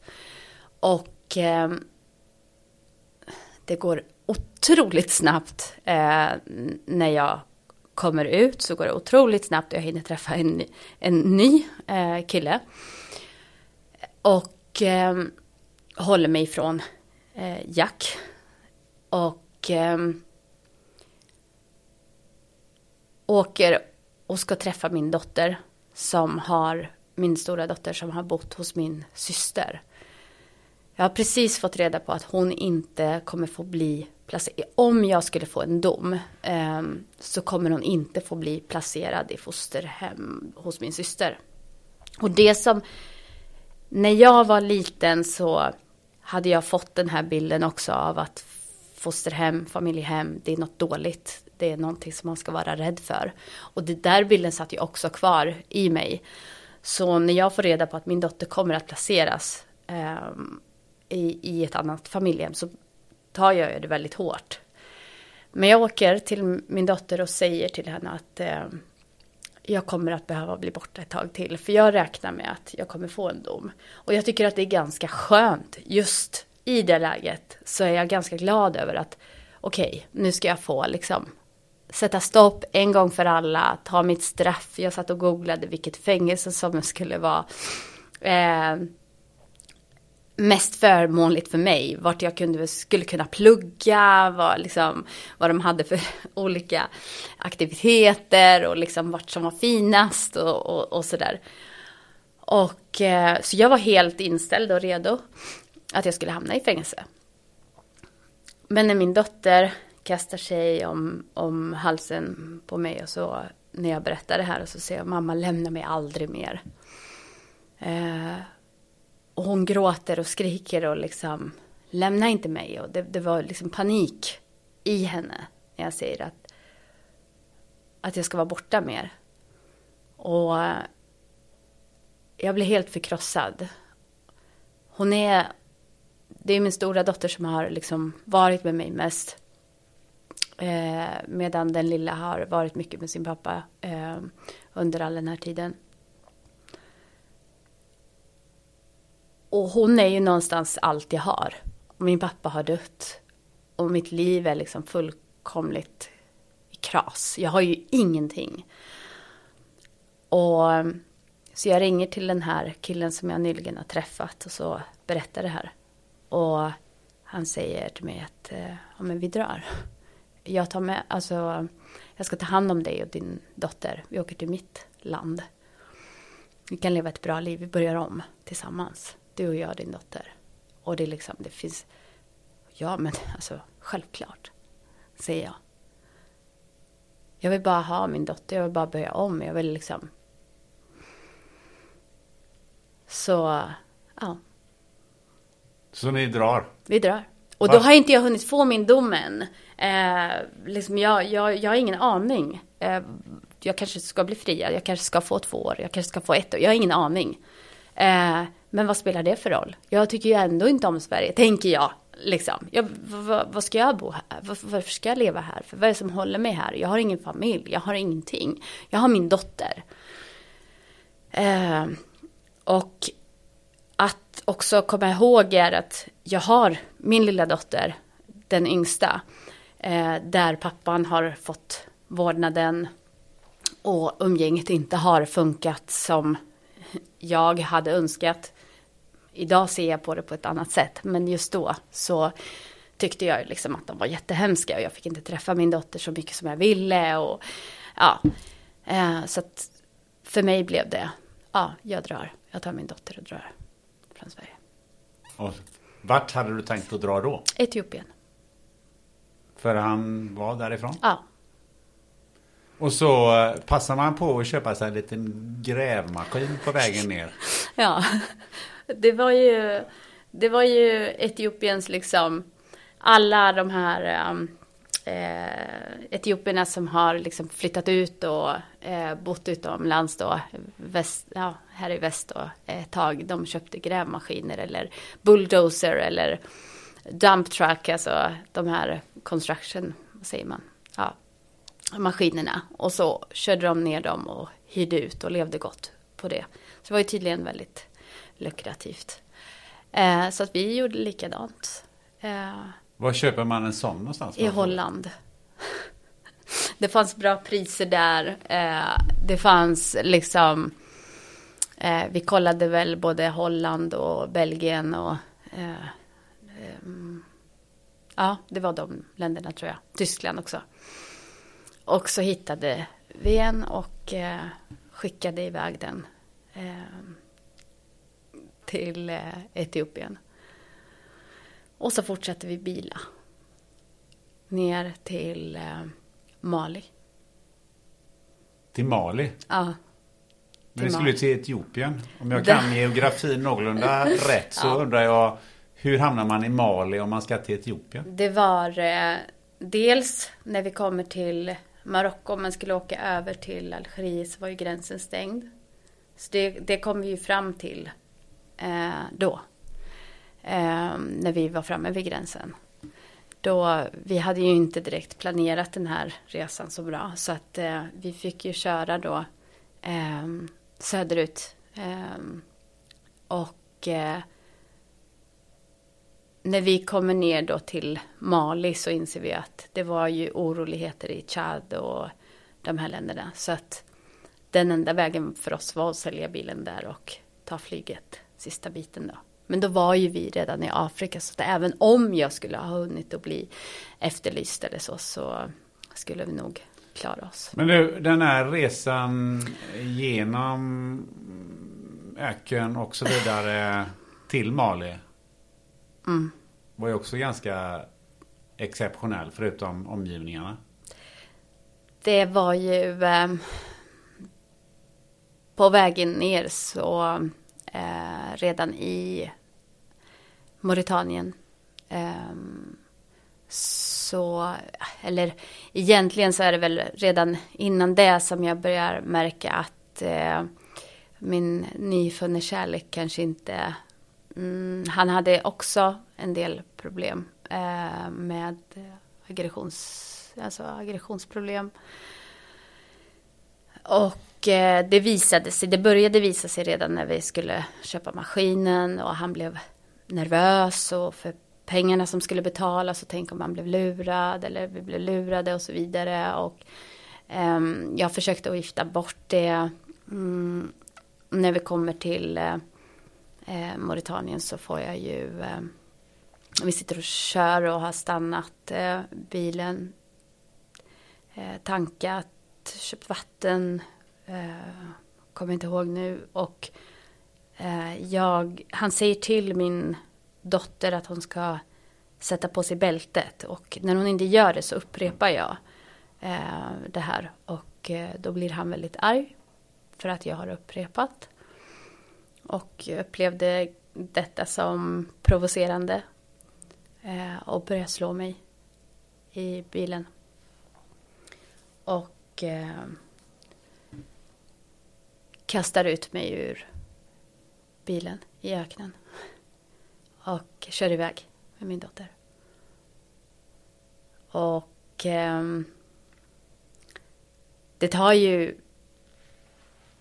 Alltså det... det, det jag, jag, jag vet ju inte hur lång tid det tar. Eh, jag är i upplösningstillstånd såklart. Eh, jag har liksom en ny pojkvän som sitter i en bil och kör iväg med min dotter mitt i Afrika. Och det är stekande sol, jag har inget pass, jag har inga pengar, ingenting på mig. Ingen telefon, ingenting. Och, ehm, men efter en stund så, så kommer ju han tillbaka. Och säger hoppa in. Så jag hoppar snällt in och eh, tänker att nu har jag gått över gränsen. Nu har jag gjort honom arg. Jag måste bli bättre. Jag ska inte provocera honom. Eh, och vi kör iväg. Och jag försöker att eh,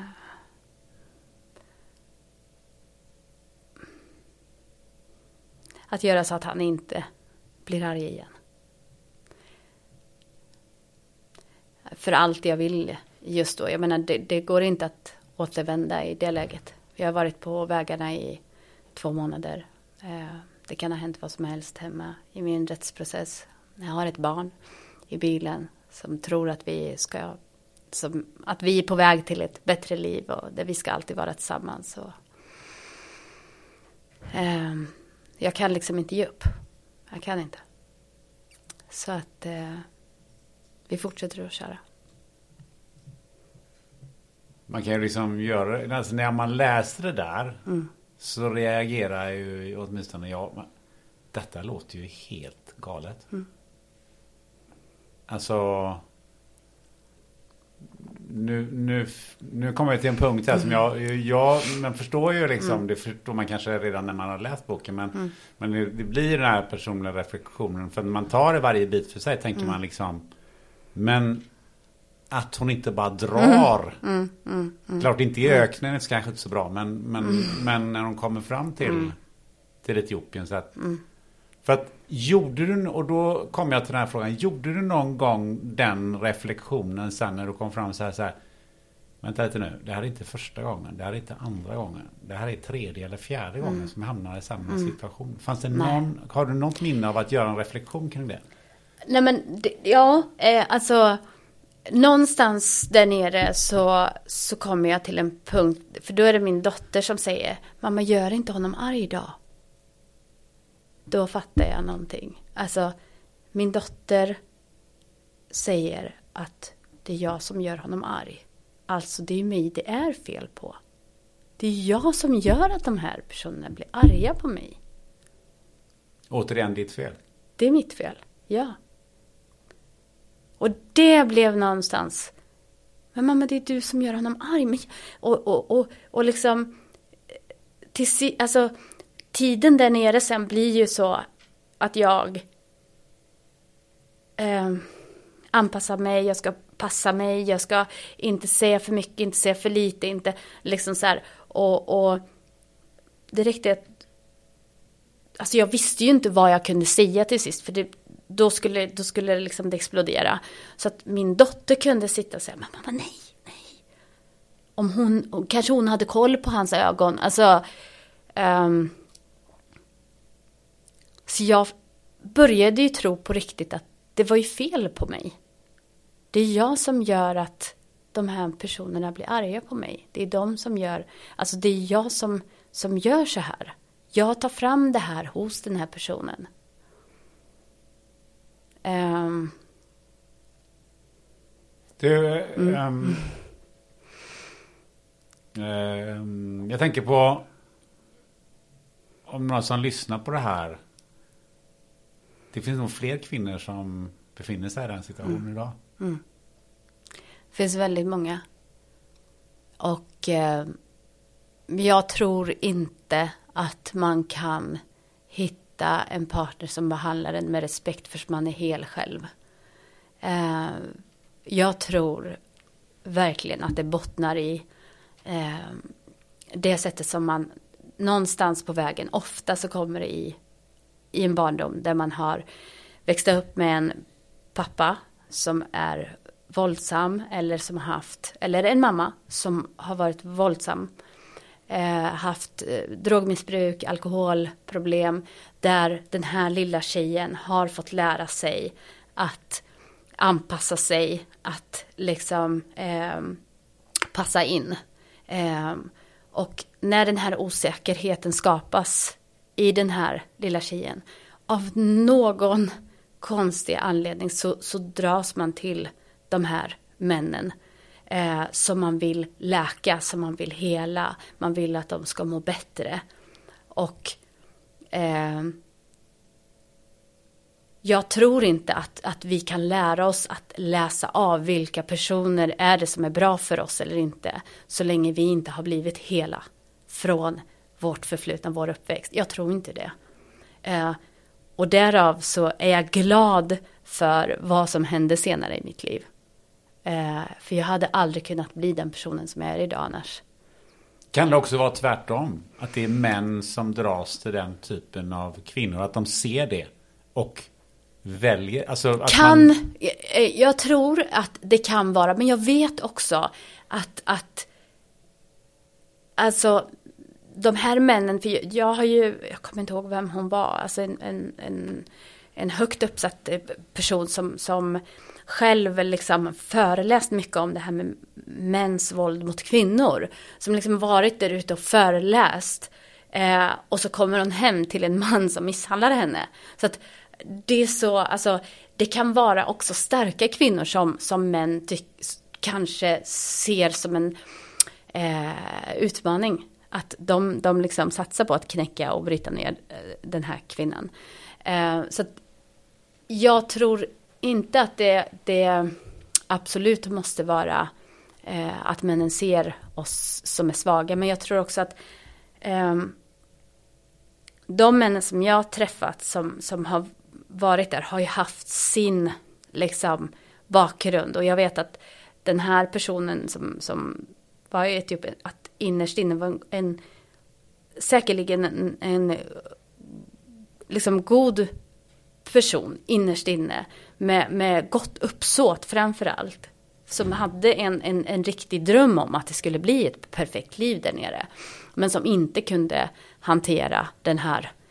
Och i och med att jag var så pass eh, anpassningsbar och lätt att, liksom, jag fogade mig. Så jag, tror ju att liksom, eh, när man är så pass lätt byte om man säger, så är det nog lättare för förövaren att, att ta det ett steg längre, ett steg längre, ett steg längre.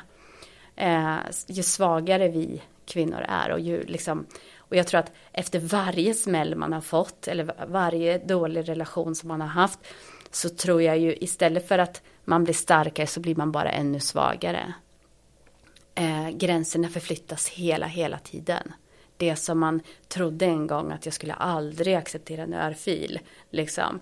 Eh, en, eh, några år senare så är det en örfil, då är det ju inte ens någonting som mannen behöver be om ursäkt för. Det är ju först när man har, liksom, ligger blödande på golvet som man, alltså, så otäckt är det ju. Eh, och det som också upprepar sig då det är ju att det inte går så bra Nej. i Etiopien Nej. med den här gräskopan. Ja, ja. Utan att vi behöver gå in på alla de detaljerna. Nej. Men Nej. någonstans så hamnar du igen i checkbedrägerier och, och ja. eh, papper och eh, ja men lite samma lite samma snurr som du varit i några gånger nu då. Um, och eh, som det alltid mm. också är i de lägena så blir man upptäckt på något sätt. Ja. Och det blir hämtad. Ja. ja. Och vad börjar då? Alltså, idag så kan jag se, se på det som min räddning. Eh, det är ett helvete som börjar. Eh, men jag tror idag att, att i mitt läge så behövde jag brytas ned fullkomligt för att kunna börja byggas upp igen. Eh, och Kality är på riktigt min räddning för min person. Eh, jag hamnar alltså i ett av världens mest liksom, fruktade fängelser. Man, man, vet att, att Etiopien Kality är ett, ett, eh, ett fängelse som, som är otroligt primitivt och, och ehm, alltså det, det, det har ju varit ganska omtalat. Eh, där så, det som först sker är ju att liksom bubblan spricker ju. Min dotter tas ju ändå ifrån mig. Jag har ju verkligen förlorat. Det är ju verkligen allt som jag hade då kämpat för. Jag hade stått ut med för att jag skulle ju ändå få vara med min dotter. Det spricker ju ändå till slut och hon läm lämnas hemma i Sverige. Hon, hon skickas hem till Sverige av ambassaden och då är jag totalt ensam. Då är jag ju fullständigt ensam. Ehm, den här eh, pojkvännens familj besöker mig då och då till en början men snart inte alls. Ehm, och eh, ambassaden har väl inte kanske den bästa bilden av mig heller. Så, så, det är inte så att jag bemöts av, liksom till en början av särskilt eh, mycket empati eller medmänsklighet generellt. Eh, nu, utan att peka ut på något sätt. Eh, men jag har ändå någonting att jämföra med. Vi har ju två andra eh, svenskar som har varit där, Johan och Martin. Och som man kan se till eh, hur engagemanget var för dem. Eh, Vi pratar alltså om Martin Schibbye ja, och eh, Johan Persson. Johan mm, Persson mm, som mm. ju, eh, bara för att för dig kort där, så, ja. så hamnade de på samma fängelse som du Precis. samtidigt. Men mm. för, av helt andra orsaker. De hade varit och gjort ett reportage då i Ogaden-provinsen och, och blivit tagna dit. Och ja. har skrivit ja. en bok om, ja. om det också. Vi kommer säkert tillbaka till dem. Men bara så att lyssnarna hänger med. Och ja, men precis. vilka de är. Ja, och där så, så med all rätt så, så engagerar sig ju ambassaden i deras fall. Med all, absolut med all rätt. Men om man ska se till eh, mm, alltså hur, hur, hur eh, man kan tänka sig att vare sig man är skyldig eller oskyldig eller så. Eh, just de här mänskliga rättigheterna, mänskliga, eh, hur, man, hur man beter sig, så kände jag ju att jag var den fula fången och de var de fina fångarna. Eh, och det var ju lite eh, jobbigt mm, just då. Men som återigen, jag är glad över att det var idag. För att jag fick lära mig att, att eh, jag var ensam i världen. Alltså på riktigt. Eh, min mamma som jag hade haft ändå kontakt med under tiden som jag bodde nere i Etiopien. Vi hade haft ganska bra kontakt med varandra. Eh, tills dess att eh, min syster då dör. Eh, eh, vilket också var ett otroligt hårt slag för mig. För liksom min mentala hälsa. Eh, mitt uppe i allt det där som skedde där nere. Eh, och, och hon går bort. Och sen försvinner mamma. På riktigt, liksom bara hör aldrig mer av sig till mig efter hennes begravning. Hörde aldrig mer av sig. Och jag skriver ett, ett eh, brev och fick aldrig svar. Och eh, bara ett meddelande från ambassaden liksom att eh, nej, vi vet bara att din mamma inte vill ha kontakt. Och då är jag ju verkligen utlämnad till mig själv, till Gud. um, och bryts, jag bryts ned liksom långsamt. Um, och det är väl något, någonstans ett, ett eh, en, en punkt där eh, jag får en dom på 55 år. Eh, vilket motsvarar då i praktiken då så, så ska man inte sitta längre än 25 år. Men man är ju inte helt säker på hur lång tid det kommer bli eller ja. Eh, det är ändå Etiopien vi pratar om. Och där så är det någonting som verkligen eh, händer i mig. Alltså då vill jag ju att eh, då har det gått två år eh, innan jag har hunnit få den slutgiltiga domen där nere. Och fängelset är ju, som jag sa, väldigt primitivt. Man är beroende av att ha någon på utsidan för att kunna leva någorlunda drägligt. Man får inte tandborste, man får inte tandkräm, man får inte toalettpapper. Alltså, eh, alla de här eh, sakerna som vi behöver.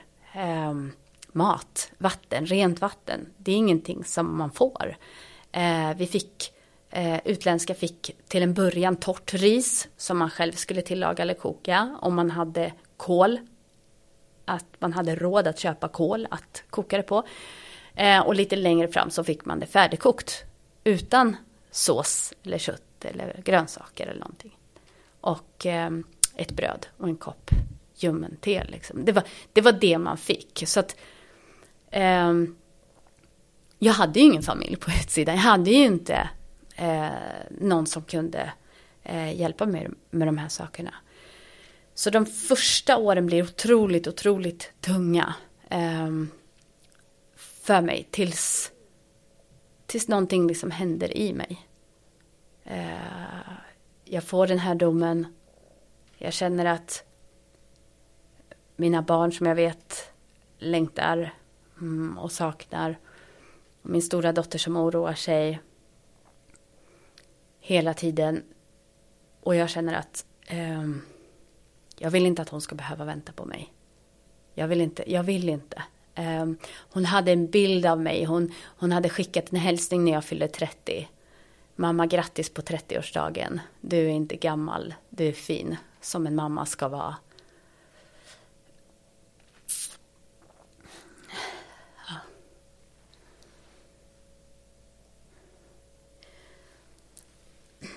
Och det var ju hennes bild av mig. Och jag ville inte att hon skulle få någon annan bild av mig. Och eh, jag ville bara avsluta allting. Inte för att jag inte orkade kämpa, inte för någonting. Jag ville bara att hon skulle slippa.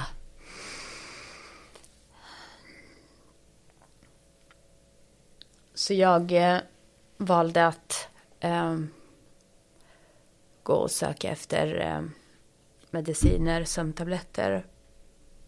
Jag fick eh, till sist tag på eh, tabletter när jag var på sjukhuset i ett annat ärende. och lyckades smuggla in tabletterna. Jag svalde dem, jag väntade på ett bra eh, tillfälle. Och eh, jag bad hela tiden till Gud liksom om förlåtelse. Jag bad att han skulle ta hand om mina barn. Liksom. Och eh, jag tog enormt många tabletter jag, och jag kände liksom när, när allting försvinner. och det som var otäckt var att man hade haft en bild av att man skulle liksom ljuset och döden skulle komma och omfamna en och, och jag hade sån enorm obehagskänsla. Och sen är det bara svart. och sen vaknar jag upp då när de eh, magpumpar mig och sköljer magen med kol och jag har överlevt.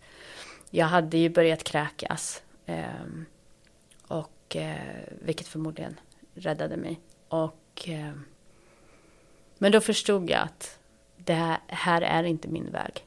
Jag kan inte ge upp. Och några månader senare så började jag nog att bygga upp mig själv mentalt. Eh. Hur bygger man upp sig själv mentalt i en sån, i en sån omgivning? Man försöker att hitta eh, det absolut första som jag var tvungen att dela med det var ångesten över mina barn. Och det var att, att lära sig att stänga av under den vakna tiden. Att, att jag var tvungen att lära mig att under dagtid så ska jag fokusera mig på vissa saker. Jag började läsa enormt mycket böcker. Allt jag kom över eh, läste jag. De hade ett gammalt sjaskigt eh, bibliotek med engelska böcker. Ambassaden faktiskt, är, är det någonting som jag verkligen vill tacka dem för så är det alla böcker som de lyckades få in eh, till mig under deras besök. För att även om det fanns tider då de inte kom ofta så hade de ändå med sig böcker så att jag klarade mig. Jag läste böcker, jag läste Bibeln, jag bad. Eh, jag hade en pojke som det fanns ju tyvärr även barn i, i fängelset som levde där med sina mödrar. Men de blev också eh, för mig ljusglimtar. De eh, gav mig massor av liksom kärlek, eh, glädje. Eh, och även andra personer eh, i, liksom i min omgivning där inne jag greppade nog efter, mm, efter allt som, eh, allt som var positivt liksom. Sen fanns det ju dagar som man absolut mådde jätte, jättedåligt, självklart.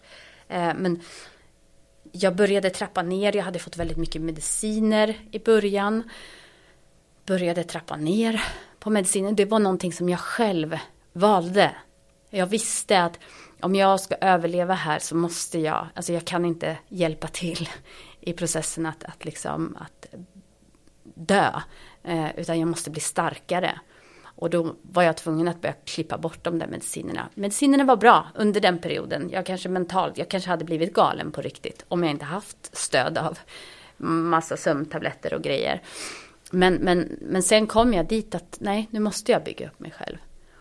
Och efter cirka tre år tror jag som jag började liksom kunna skratta eh, igen. Och le. Eh, Johan och Martin kom ner de, när de, eh, och det var ju början fortfarande, när de kom hem, de skickade stöd ibland.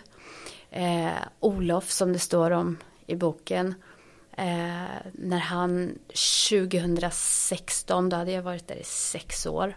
Men där kom även han in i bilden och skickade då och då eh, stöd.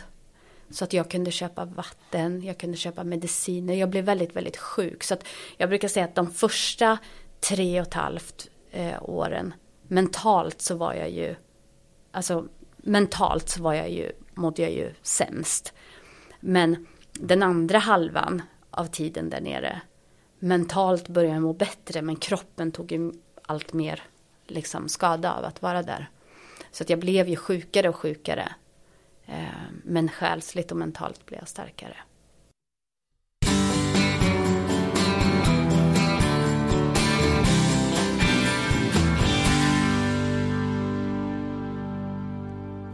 Väntar du eller någon i din närhet barn? Ja, då kanske ni har funderat på om det finns en sannolikhet att barnet har en kromosomavvikelse. Poddens sponsor Life Genomics erbjuder Harmony NIPT, ett genetiskt fostertest med väldigt hög precision för att upptäcka de vanligaste kromosomavvikelserna. NIPT görs på ett enkelt blodprov från mamman som utförs på labbet i Göteborg. Gå in på hemsidan fostertest.se och läs mer. På fostertest.se hittar du också din närmaste vårdgivare som erbjuder NIPT-test. Life Genomics erbjuder även andra tester som covid-19 PCR inför exempelvis din resa eller andra möten. Dessutom erbjuder Life Genomics ett kvantitativt antikroppstest för covid-19 som påvisar aktuell immunstatus. Mer information hittar du på lifegenomics.se. Tack Life Genomics!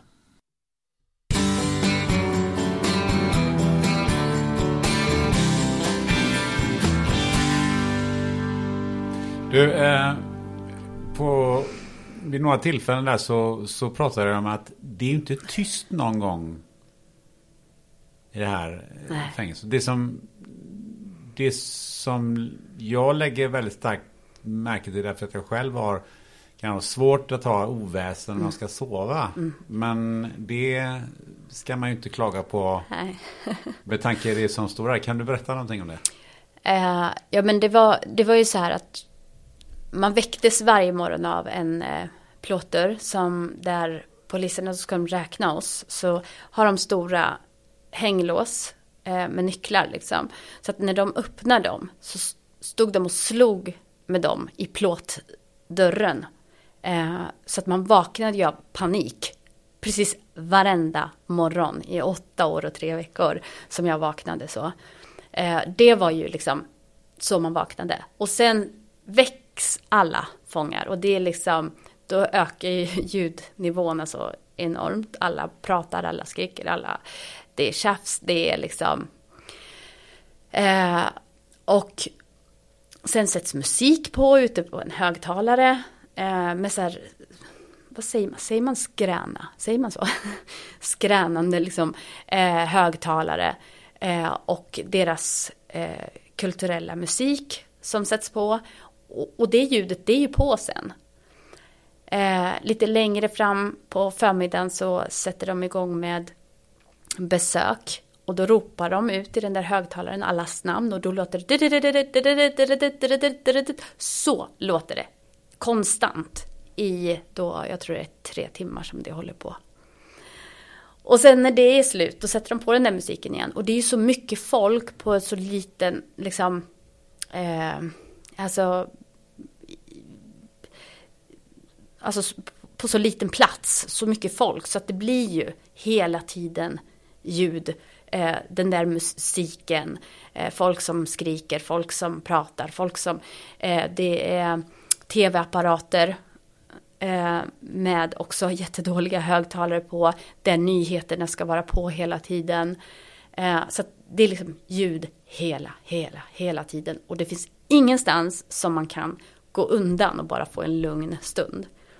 Eh, det fanns inte ens en dörr att stänga när man skulle gå på toaletten. Utan Eh, man satt allihopa eh, på, liksom, på rad. Det fanns ingen dörr att stänga.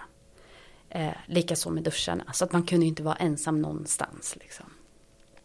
Och sen var den tv-apparaterna var på? Fram till eh, tio. Eh, tror jag. På kvällen. Men sen stängdes den ju av då. Eh, men eh, det var ju ändå liksom inte helt tyst. Um, hur bor man på ett sånt där eh, fängelse? Hur såg det ut? Var det celler eh, eller? Nej, det är, det är stora sovsalar.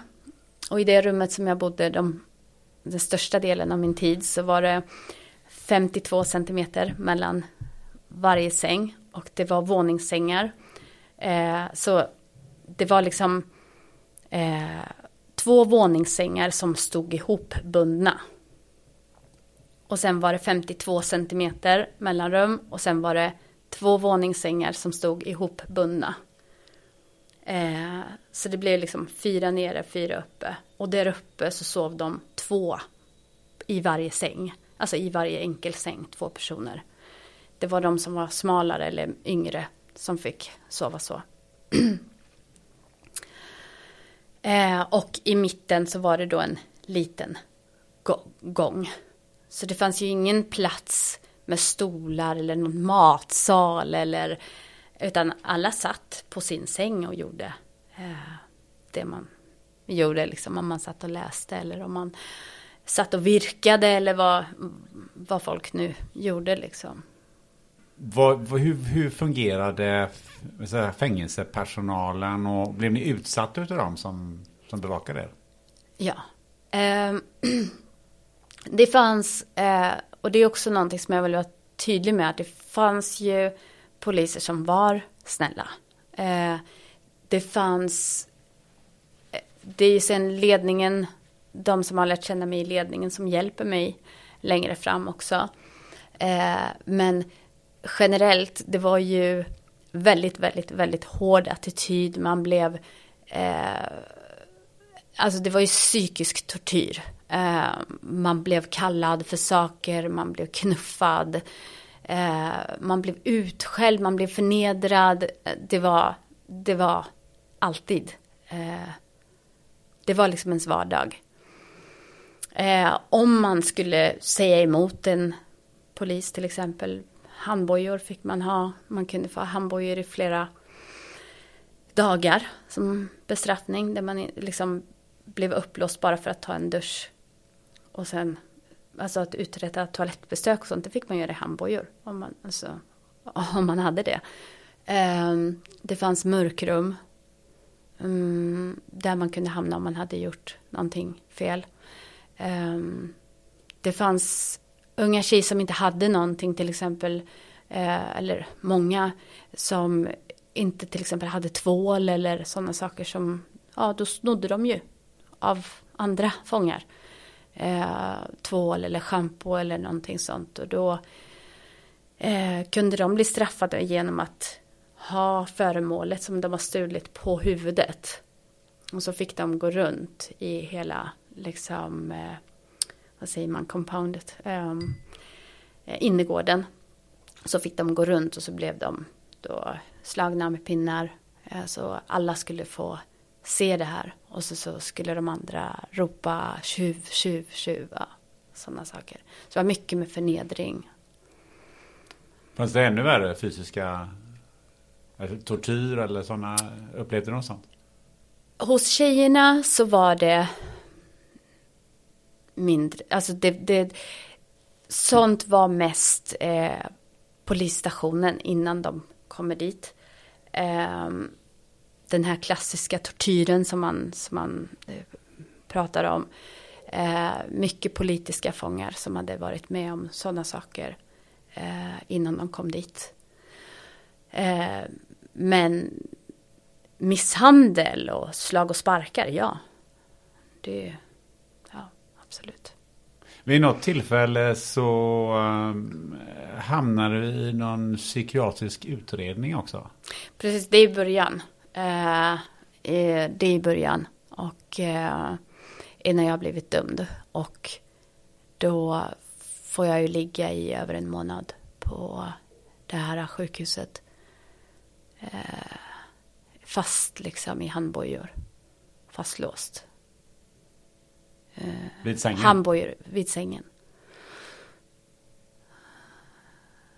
Det var nog där som jag började lära mig liksom mentalt stänga av. Eh, det fanns ju ingenting annat att, eh, att göra liksom. Det fanns ju ingenting man kunde göra åt situationen. Eh, och det var ju ett sånt här, jag tror att eh, min pojkvän, som, eller min dåvarande pojkvän som eh, hade fått för sig att det skulle kanske funka som i Sverige att man skulle få mildare straff eller som hade då bett om det här. Så eh, först var väl jag där och sen han tror jag, eller om det var tvärtom, jag kommer inte ihåg.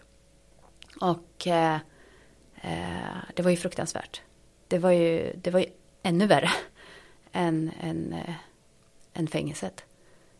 Eh, människor som låg och skrek och eh, alltså eh, ohyra. Maten var om möjligt ännu värre. Eh, jag åt inte en enda gång av den maten. Inte en enda gång. Eh, om någon gav mig en, en brödbit eller alltså, så kunde jag äta men jag kunde inte äta den. Eh. Och när man låg liksom fastkedjad i sängen så till en början så fick jag ju panik och panikångest och skrek och eh, det var ju Alltså det var, det var Det går inte att beskriva. Det går verkligen inte att beskriva. Om du tänker dig att du, någon plötsligt ska stänga liksom en dörr om det, bara en sån sak och du inte kommer ut. Det, det som sker, man vet, logiskt sett så vet man att du kommer ju komma ut. Din fru hittar dig, eller, jag menar så, eller hur? Det, det, men du kommer ändå få panik. Men när man ligger där och man vet att här ska jag vara en månad, minst. Och ju, du är fastlåst liksom i sängen. Och du vet att det spelar ingen roll vad du gör så kommer du inte låsas upp. Så paniken vällde ju upp i mig och låg och höll på att slita sönder handen liksom. Eh, men sen fick jag lära mig att kontrollera mig eh, mentalt. Tänka blankt. Kom man fram till någonting i den här undersökningen? Ingenting. Ingenting. Att jag var normal.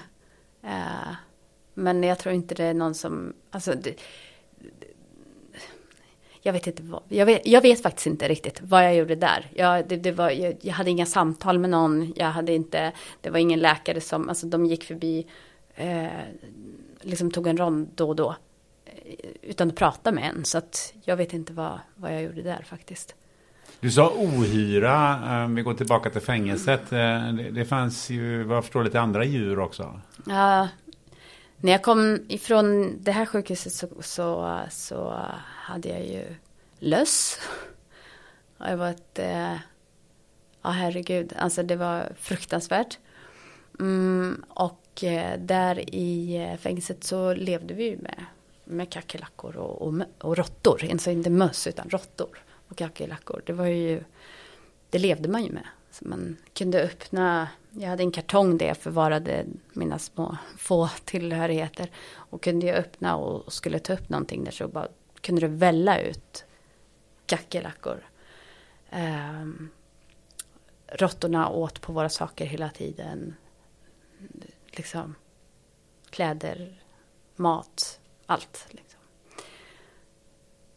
Men vid något tillfälle så hade du begärt någon isolering och där var det väl, jag förstår ännu mer råttor. Ja, det var, eh, mm, det här huset hade de byggt eh, för politiska fångar. Det skulle vara avskilt, isolerat. Och en eh, polisfånge som kom samtidigt som Johan och Martin, hon skulle in där. Och jag hade begärt av fängelsechefen att jag skulle få eh, bo i ett eget rum. För jag mådde väldigt dåligt av att aldrig få vara ensam. Men hon hade hela tiden sagt att jag inte skulle kunna få göra det för att liksom standarden på de små rummen som fanns, det var det liksom jordgolv och sådana saker. Och eh, ingen lampa eller någonting. Eh, men så när de hade byggt det här huset och det hade bestämts att den här tjejen skulle vara där i det nya huset där så eh, Ehm, så frågade hon om jag ville eh, flytta in där. Vi skulle bo fyra stycken personer tillsammans. Och det var ju ett, ett plåtskjul eh, och så hade de lagt någon Playwoodskivor, eh, någon sorts på insidan. Och, eh, men, men där hade råttorna fått fäste så de bodde ju i väggarna eh, där.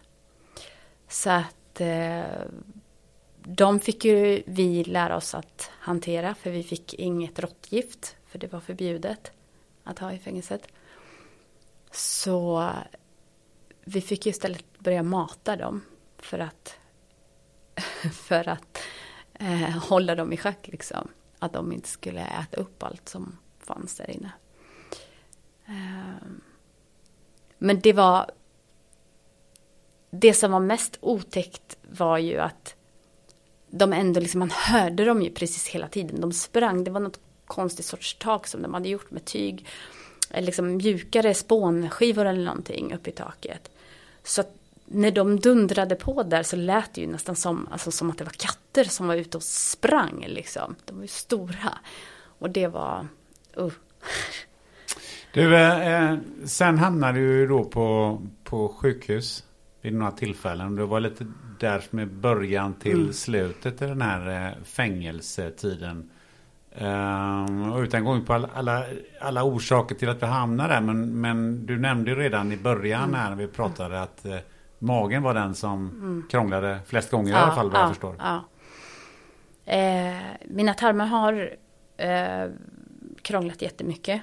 Och ehm, eh, jag fick ju tarmvred första gången och sen eh, igen andra gången. Och eh, mm, vad de hade liksom det sista tiden, det, det, det, var så att jag har opererat mig så många gånger i liksom mag. Eh, för det har varit cystor, det har varit galla och det har varit liksom det ena och det andra. Så jag har opererat mig väldigt, väldigt många gånger. Eh, och eh, det har då bildats en massa R vävnader på insidan och sammanväxningar i magen. Så att för varje gång som jag har opererat så har det blivit värre och värre där. Och eh, den sista operationen så det var ju då där nere som jag varit väldigt, väldigt, väldigt, väldigt dålig. Och jag låg väldigt länge innan de ens vågade gå in och göra en operation. Eh, så att jag blev sjuk och började åka in i oktober 2017. Och läkarna trodde inte att jag skulle klara av en operation så de vågade ju inte gå in. Men till sist så beslutade de ändå att, att eh, gå in. Och, eh, men redan på sjätte dagen så hade jag ju fått ett nytt tarmvred. Eh, efter operationen. Och då var det ju total stopp.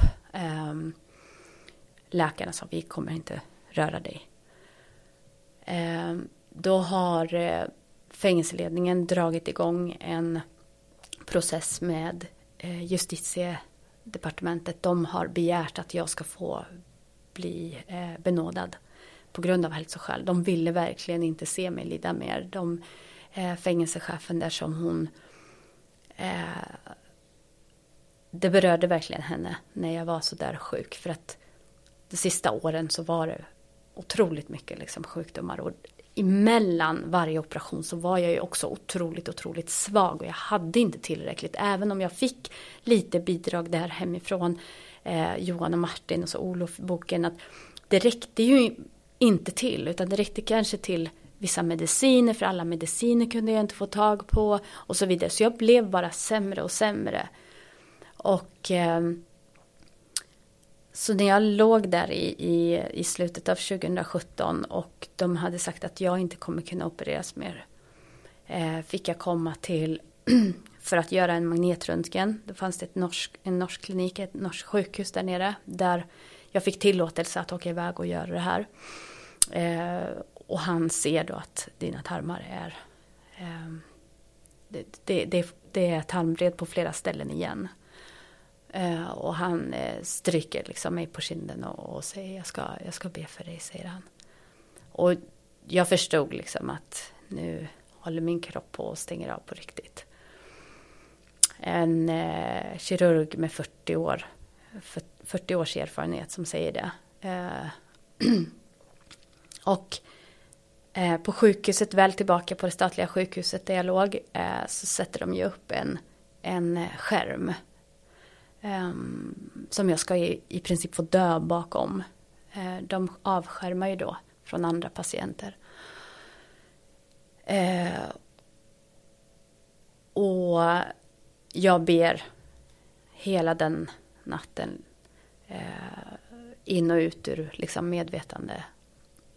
Och jag vet faktiskt inte fortfarande riktigt liksom hur, hur lång tid det tar, hur länge jag ligger. Utan eh, bara några dagar senare liksom, så är det någonting som, som har hänt. Och eh, jag kan börja liksom se att det är någonting som håller på att, att bli bättre med mig. Eh, och jag börjar att ta liksom mina första steg, börjar kunna stå upp igen och kunna sådär.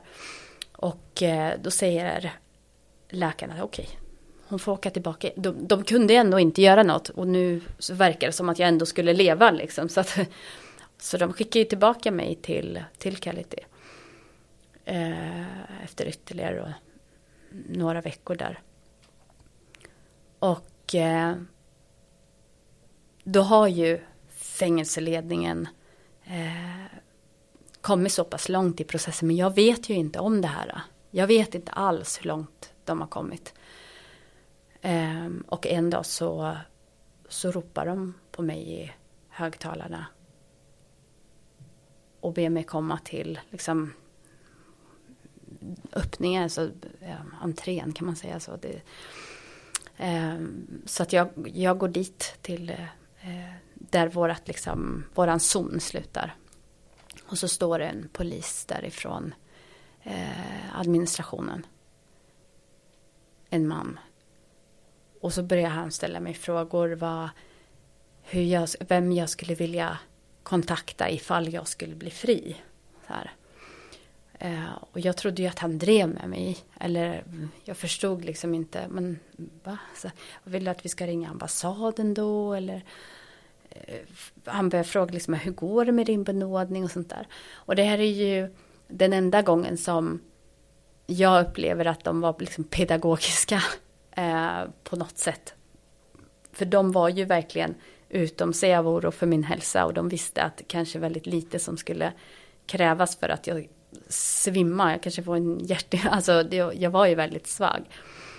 Mm, så att han började med sådana där frågor och, och stod och lirkade med mig.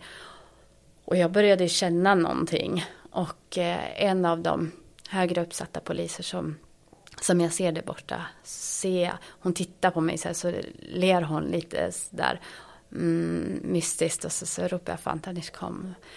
Eh, så kommer de fram till mig och så lägger jag mina armar på hennes axlar, ser henne rakt in i ögonen. Liksom, så, Fantanish, ska ni släppa mig? säger jag. Mm. Och så ser hon, och jag ser att hon, hon, är, hon är nästan lika lycklig som jag. Och så, ja det ska det, säger hon. Och precis liksom när hon säger det här, det, det är liksom, jag vet inte vad jag ska säga. Och det är flera poliser som är, eh, som är där, som hör det, som ser det här och som börjar showa och som börjar liksom hoppa på mig. Och poliserna, det är liksom, det är poliserna som är där och tillsammans med mig i det här. Ja. Eh, jag kunde inte tro att det var sant. Jag, jag skrek, jag höll på att svimma, de satte mig ner. Det var liksom... Uh, är det sant? Är det sant? Liksom? Är det verkligen sant? Ja, det är sant. Uh, och det var faktiskt, det var faktiskt det var fängelseledningen. Uh, det var vår fängelsechef. Det var hon som kämpade för mig. Och det är så här, nåden, mänskligheten, kärleken finns mm där man minst anar. Eh, där man verkligen minst anade. Eh, De gjorde någonting som min egen ambassad, mitt land inte hade kunnat, kunnat göra eller velat göra. Jag vet inte. Men där såg jag någonstans liksom riktig godhet och hur Gud kan ta sig in i, i människors hjärtan och förändra liv. Um, och jag hade bett hela tiden att um, nu har min tro inte fått alls, eh, liksom jag har inte alls pratat om den, men, men den blev allt starkare och starkare genom åren och eh, han hade liksom förberett mig hela den här tiden. Och jag hade bett till honom att när din tid kommer, liksom när du bestämmer, när du avgör att jag är redo för friheten, då släpp mig fri. Men tills dess, håll mig bara, låt mig slippa vara sjuk, låt mig slippa vara törstig, låt mig slippa vara hungrig och bevara mina barn. Det var liksom mm. bara det, Gud, snälla. Sen, sen släpper du ut mig den dagen du anser är den rätta. Och eh, så jag fick sova kvar där den sista natten. Eh, jag satt uppe med min bästa vän eh, hela natten.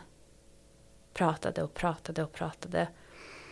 Jag sov ingenting. Och dagen efter, klockan sex på morgonen så... Alltså jag trodde inte att det var sant. Och de ropar Angelina, de kallar mig Angelina där, Angelina Johnson, Tafetchi, det betyder du är fri. Uh, och det var så magiskt för det var så mycket, det var massa kärlek där inne men det var också som, som det blir i familjer, det blir tjafsigt, det blir liksom, men den dagen, den morgonen så kom alla ut ifrån deras sovsalar och började slå liksom på så här, oljedunkar som, som de använde som trummor. Och de sjöng och de liksom, alla liksom vaggade mig ut mot, mot liksom dörröppningen. De grät, alltså de grät, de grät. Och det finns ju, det finns ju de kvar där som, som är kvar. Det finns ju de. Och jag visste att jag kommer aldrig få se de här människorna igen. Och så, så jag gick mot dörröppningen och så vände jag mig om och så precis som på en film, liksom dramatiskt, I did it. Uh, sträckte upp näven i luften, liksom, jag klarade det.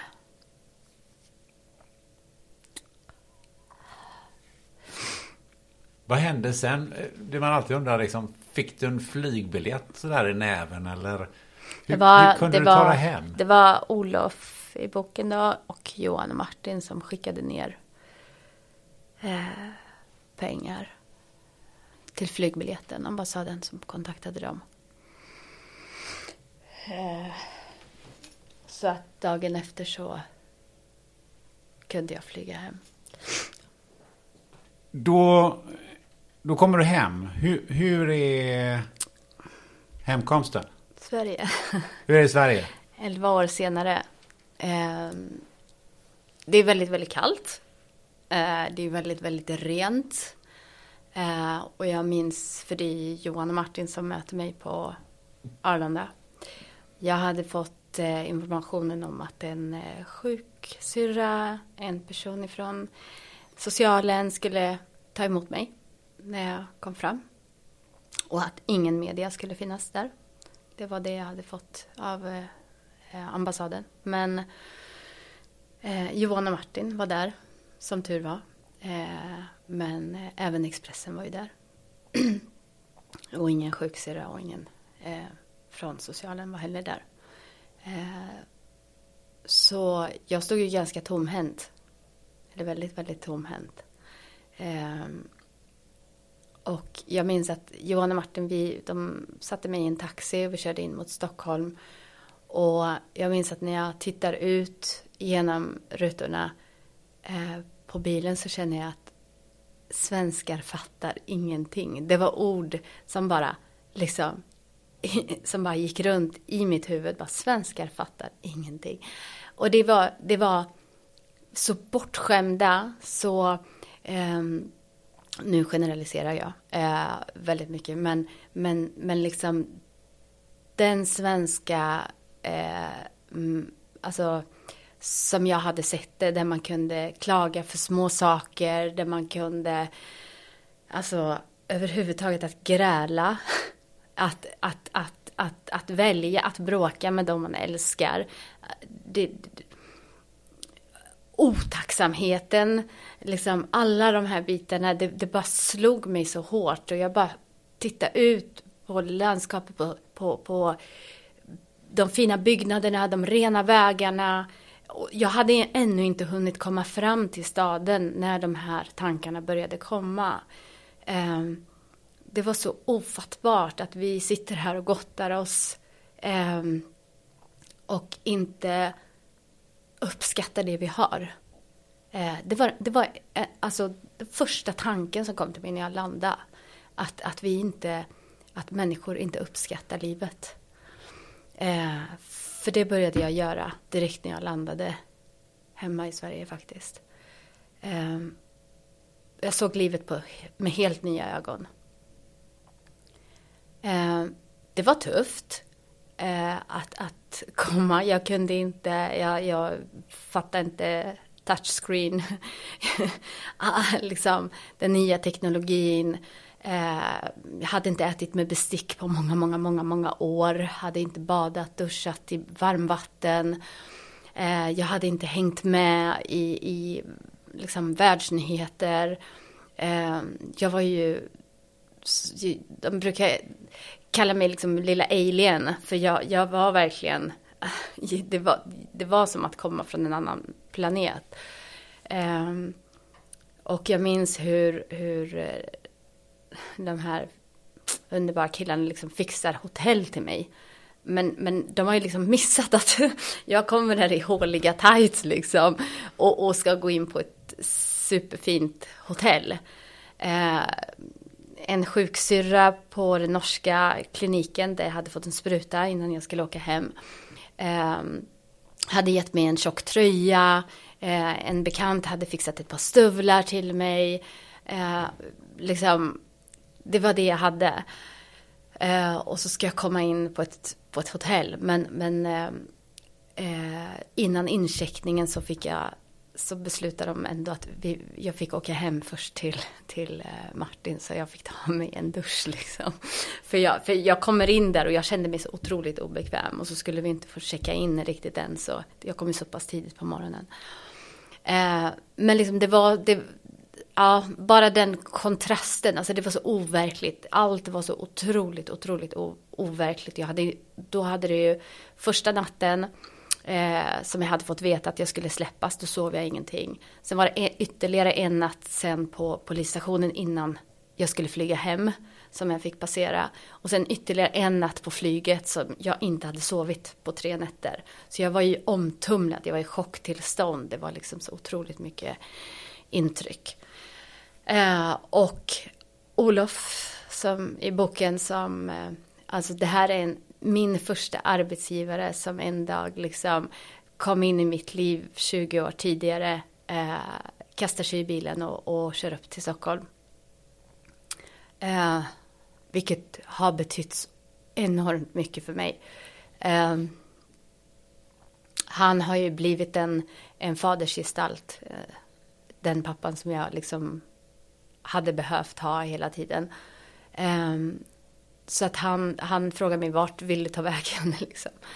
Eh, så jag åkte med honom neråt landet. Började treva mig fram. Vi försökte, jag försökte komma in på, på socialen i, i Jönköping. Jag tänkte att det var lagom avstånd från, inte för långt från mina barn men ändå inte för nära för jag ville inte tränga mig på. eh, och en stad där det skulle finnas många kyrkor hade jag tänkt ut. Eh, men eh, de frågade mig när jag kom in och vad är det som får dig att tro att du kan komma till vår kommun och få hjälp? Eh, och jag liksom, men jag är ju svensk. Eh, jag, eh, och då, då, då var det ju nya lagar och regler om vistelsebegrepp och massa saker som jag fick lära mig. Så att eh, jag tillhörde Sigtuna kommun eftersom jag hade landat i Sigtuna kommun. Men Sigtuna kommun hade sagt att de inte hade något ansvar för mig. Så ingen hade ansvar för mig. Så jag skulle vara tvungen att skaffa en adress innan jag kunde få hjälp i Sverige. Jag hade inga fyra sista siffror kvar. Ehm, eh, jag var tvungen att registrera mig om liksom, i Sverige för att få tillbaka mitt personnummer. Det var väldigt mycket eh, som var krångligt och svårt. Men jag hade ett par eh, vänner som, så, från barndomen som eh, tog hem mig till Mariestad. Eh, vilket jag tror var bra för mig. Trots allt. Det var inte så lätt. Eh, men det var ändå bra att få landa hemma en liten stund. Och samtidigt få inse att här har jag ingen framtid det var där som jag hade fått den där fina lägenheten och kontraktet hade upphävts innan jag hann flytta in. Ja, det var du berättade innan. I början, ja. Du, du, berättade ja, att du ja, hade, ja, för att vi ska få med det i lyssnandet, att du, hade, du hade fått en lägenhet. Men... Precis, men kontraktet skulle inte gillas. Mm, för att jag var jag. Eh, och det var efter vi hade skrivit under och allting. Men, men någonstans där träffade jag en ny fin människa som gav mig en chans. Jag fick ett, en, en praktikplats. Alltså jag, jag skulle ju söka jobb, tyckte socialen då, på en gång. För att jag skulle få hjälp ekonomiskt så skulle jag ju söka jobb, ett antal jobb varje vecka. Och jag kom ju, var ju liksom nyopererad och liksom helt eh, kan man säga avsocialiserad, kan man säga det? Det tycker jag låter som ett bra, ord. Alltså jag visste ju ingenting om livet, jag, jag kunde ju ingenting. Jag var ju... Men, men, eh, men jag, någonstans så, så valde jag att inte ge upp. Jag hade mycket, mycket, mycket motstånd. Jag hade jättemycket motstånd. Jag eh, hade ingen familj, ingen som hörde av sig. Eh, men, men jag fick möta min dotter. Efter att jag hade varit hemma i några dagar så fick jag möta henne. Och att liksom se att hon stod kvar. Hon hade växt, hon hade... Hon stod kvar, liksom min dotter stod kvar och väntade på mig. Det finns ingenting som skulle kunna få mig att ge upp. Efter att jag såg att hon hade väntat på mig. Så för mig fanns det bara en väg liksom. Och jag tänkte att om jag har överlevt Kality med allt som har varit um, så måste jag liksom ha tillräckligt med kraft att kunna skapa mitt liv här. För hennes skull, för, för min lilla dotters skull. Liksom. Uh, jag ville att de skulle, jag ville bli den fina mamman som, som hon hade drömt om att få hem min dotter. Och eh, eh jag behöver inte så mycket. Eh, jag vill, jag vill kunna utvecklas, jag vill kunna hjälpa andra människor, jag vill kunna ha ett, liksom ett, ett hem och en familj där jag känner mig älskad, där jag kan få älska villkorslöst. Eh, men jag har inte så stora drömmar och mål som är liksom, jag vill inte ha någon bilfirma, jag vill inte, jag vill bara ha min, liksom, mina barn och deras förlåtelse och, och, och människor i, i, min omgivning. människor också som har varit i min omgivning som någonstans kan ja, men släppa det. Även om jag har sårat, även om jag har gjort fel, även om jag har gjort liksom, illa. Men, men att de också någonstans kan liksom, hitta försoning i att vi måste gå vidare. Eh, då är jag lycklig liksom. Eh, så jag började ju praktisera. Började jobba. Började plugga. Läste först eh, friskvårdsutbildning. Jag började ju må bättre och bättre i och med att Eh, jag tog hand om mig själv, tog hand om kosten, tog hand om träning. Eh, började bygga upp mig själv nu fysiskt. Ehm, och ville ge det och dela till andra människor. Läste en friskvårds och eh, kostutbildning med inriktning på KBT. Där jag började, började lära mig att förstå liksom hur det mänskliga psyket är uppbyggt och förändringsprocesser och hur man kan få andra människor att tänka om, göra om, göra rätt. Eh, men när jag var klar med den utbildningen så eh, ville jag inte stanna utan började läsa socialpedagogik. Kom in på den skolan. Tack vare betygen från den första utbildningen. Och eh, eh, får min examen nu i juni i år. Och samtidigt har jag då skrivit boken. Jag har jobbat eh, drygt år inom socialpsykiatrin med människor som mår dåligt psykiskt av olika anledningar. Och eh, nu har jag börjat jobba inom skolan. Jag jobbar eh, med barn med särskilda behov. Så har det varit de här fyra åren. Ja. Och har en fantastisk sambo. Mm. Eh, och hans familj. som älskar mig och accepterar mig för den jag är. Eh, vilket också betyder otroligt mycket. Ja. Häftigt. Mm. Um, Ja. jag får erkänna det att jag har nog aldrig blivit så berörd. um, vi har suttit här och, och eh, både gråtit och skrattat. Um, jag brukar alltid fråga hur har, du, hur har du känt att det här samtalet har varit? Ah. Eh, Jaha. mm, bra. Um, nu är det ett tag sedan som, som, eh, nu är det ett tag sedan som jag var och pratade. Uh, och, och ännu längre sedan som jag liksom har haft så långt utrymme och så mycket utrymme. Och, och jag har ett uttryck, um, never forget where you came from. Eh, jag tror att det är bra eh, för mig också.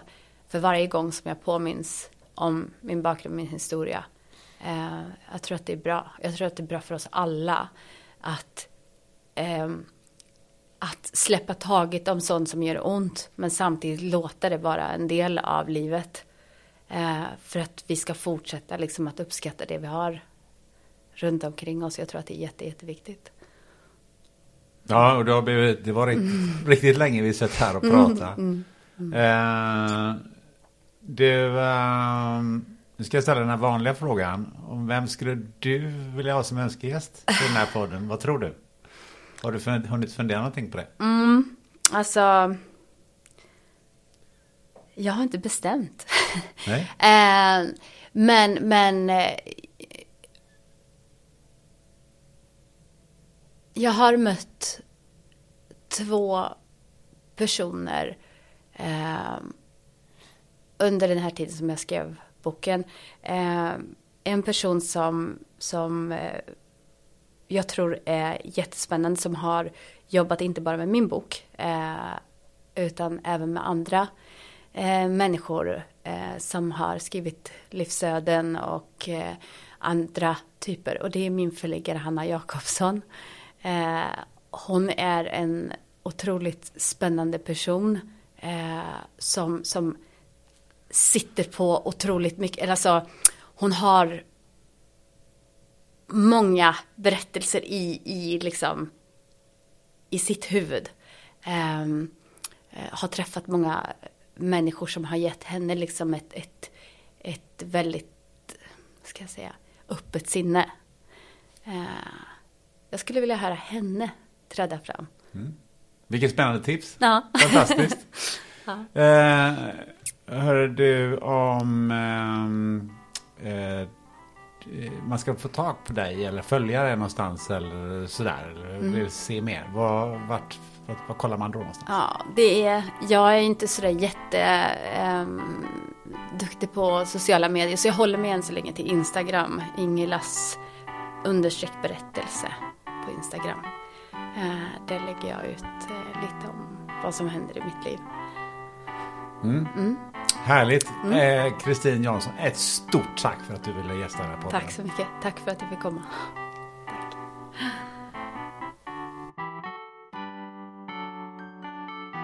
Du har lyssnat till det 114 avsnittet av podden Spännande möten. Vill du veta mer om Kristin Jansson så kan jag varmt rekommendera boken Mina åtta år i Callity. En fantastisk bok som ger en ännu mer detaljerad bild av bakgrunden och livet i fängelset Kality. Tycker du att den här podden är bra och vill stödja mig och göra fler och ännu mer djupgående intervjuer? Då vore jag otroligt tacksam om du vill swisha en valfri summa till 123 611 4680 123 611 4680 Numret hittar du också på hemsidan spannandemoten.se. Och tack till Peter och Johan för ett bidrag i förra månaden. Nästa gång då? Ja, då kommer The King. Nej, det är inte Elvis Presley som återuppstått. Det hade varit lite väl sensationellt. Vem är då The King? Du vet vad du gör. Du sätter dig med en vän med något gott att dricka så googlar du helt enkelt. Eller gogglar som en del säger i Göteborg. Tips! Han är polare med en kille som heter Inge Hammarström. Ha det gött!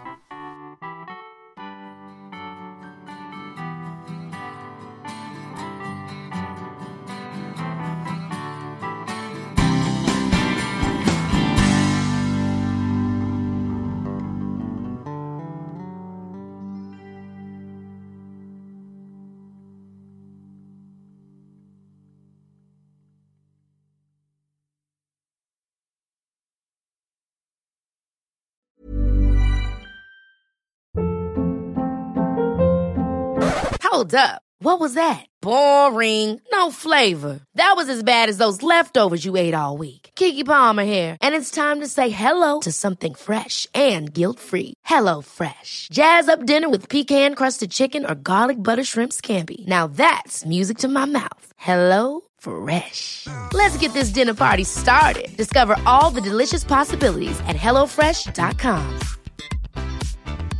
Even when we're on a budget, we still deserve nice things.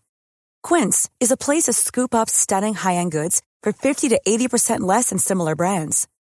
They have buttery soft cashmere sweaters starting at $50, luxurious Italian leather bags, and so much more. Plus, Quince only works with factories that use safe, ethical, and responsible manufacturing. Get the high-end goods you'll love without the high price tag with Quince. Go to quince.com slash style for free shipping and 365-day returns.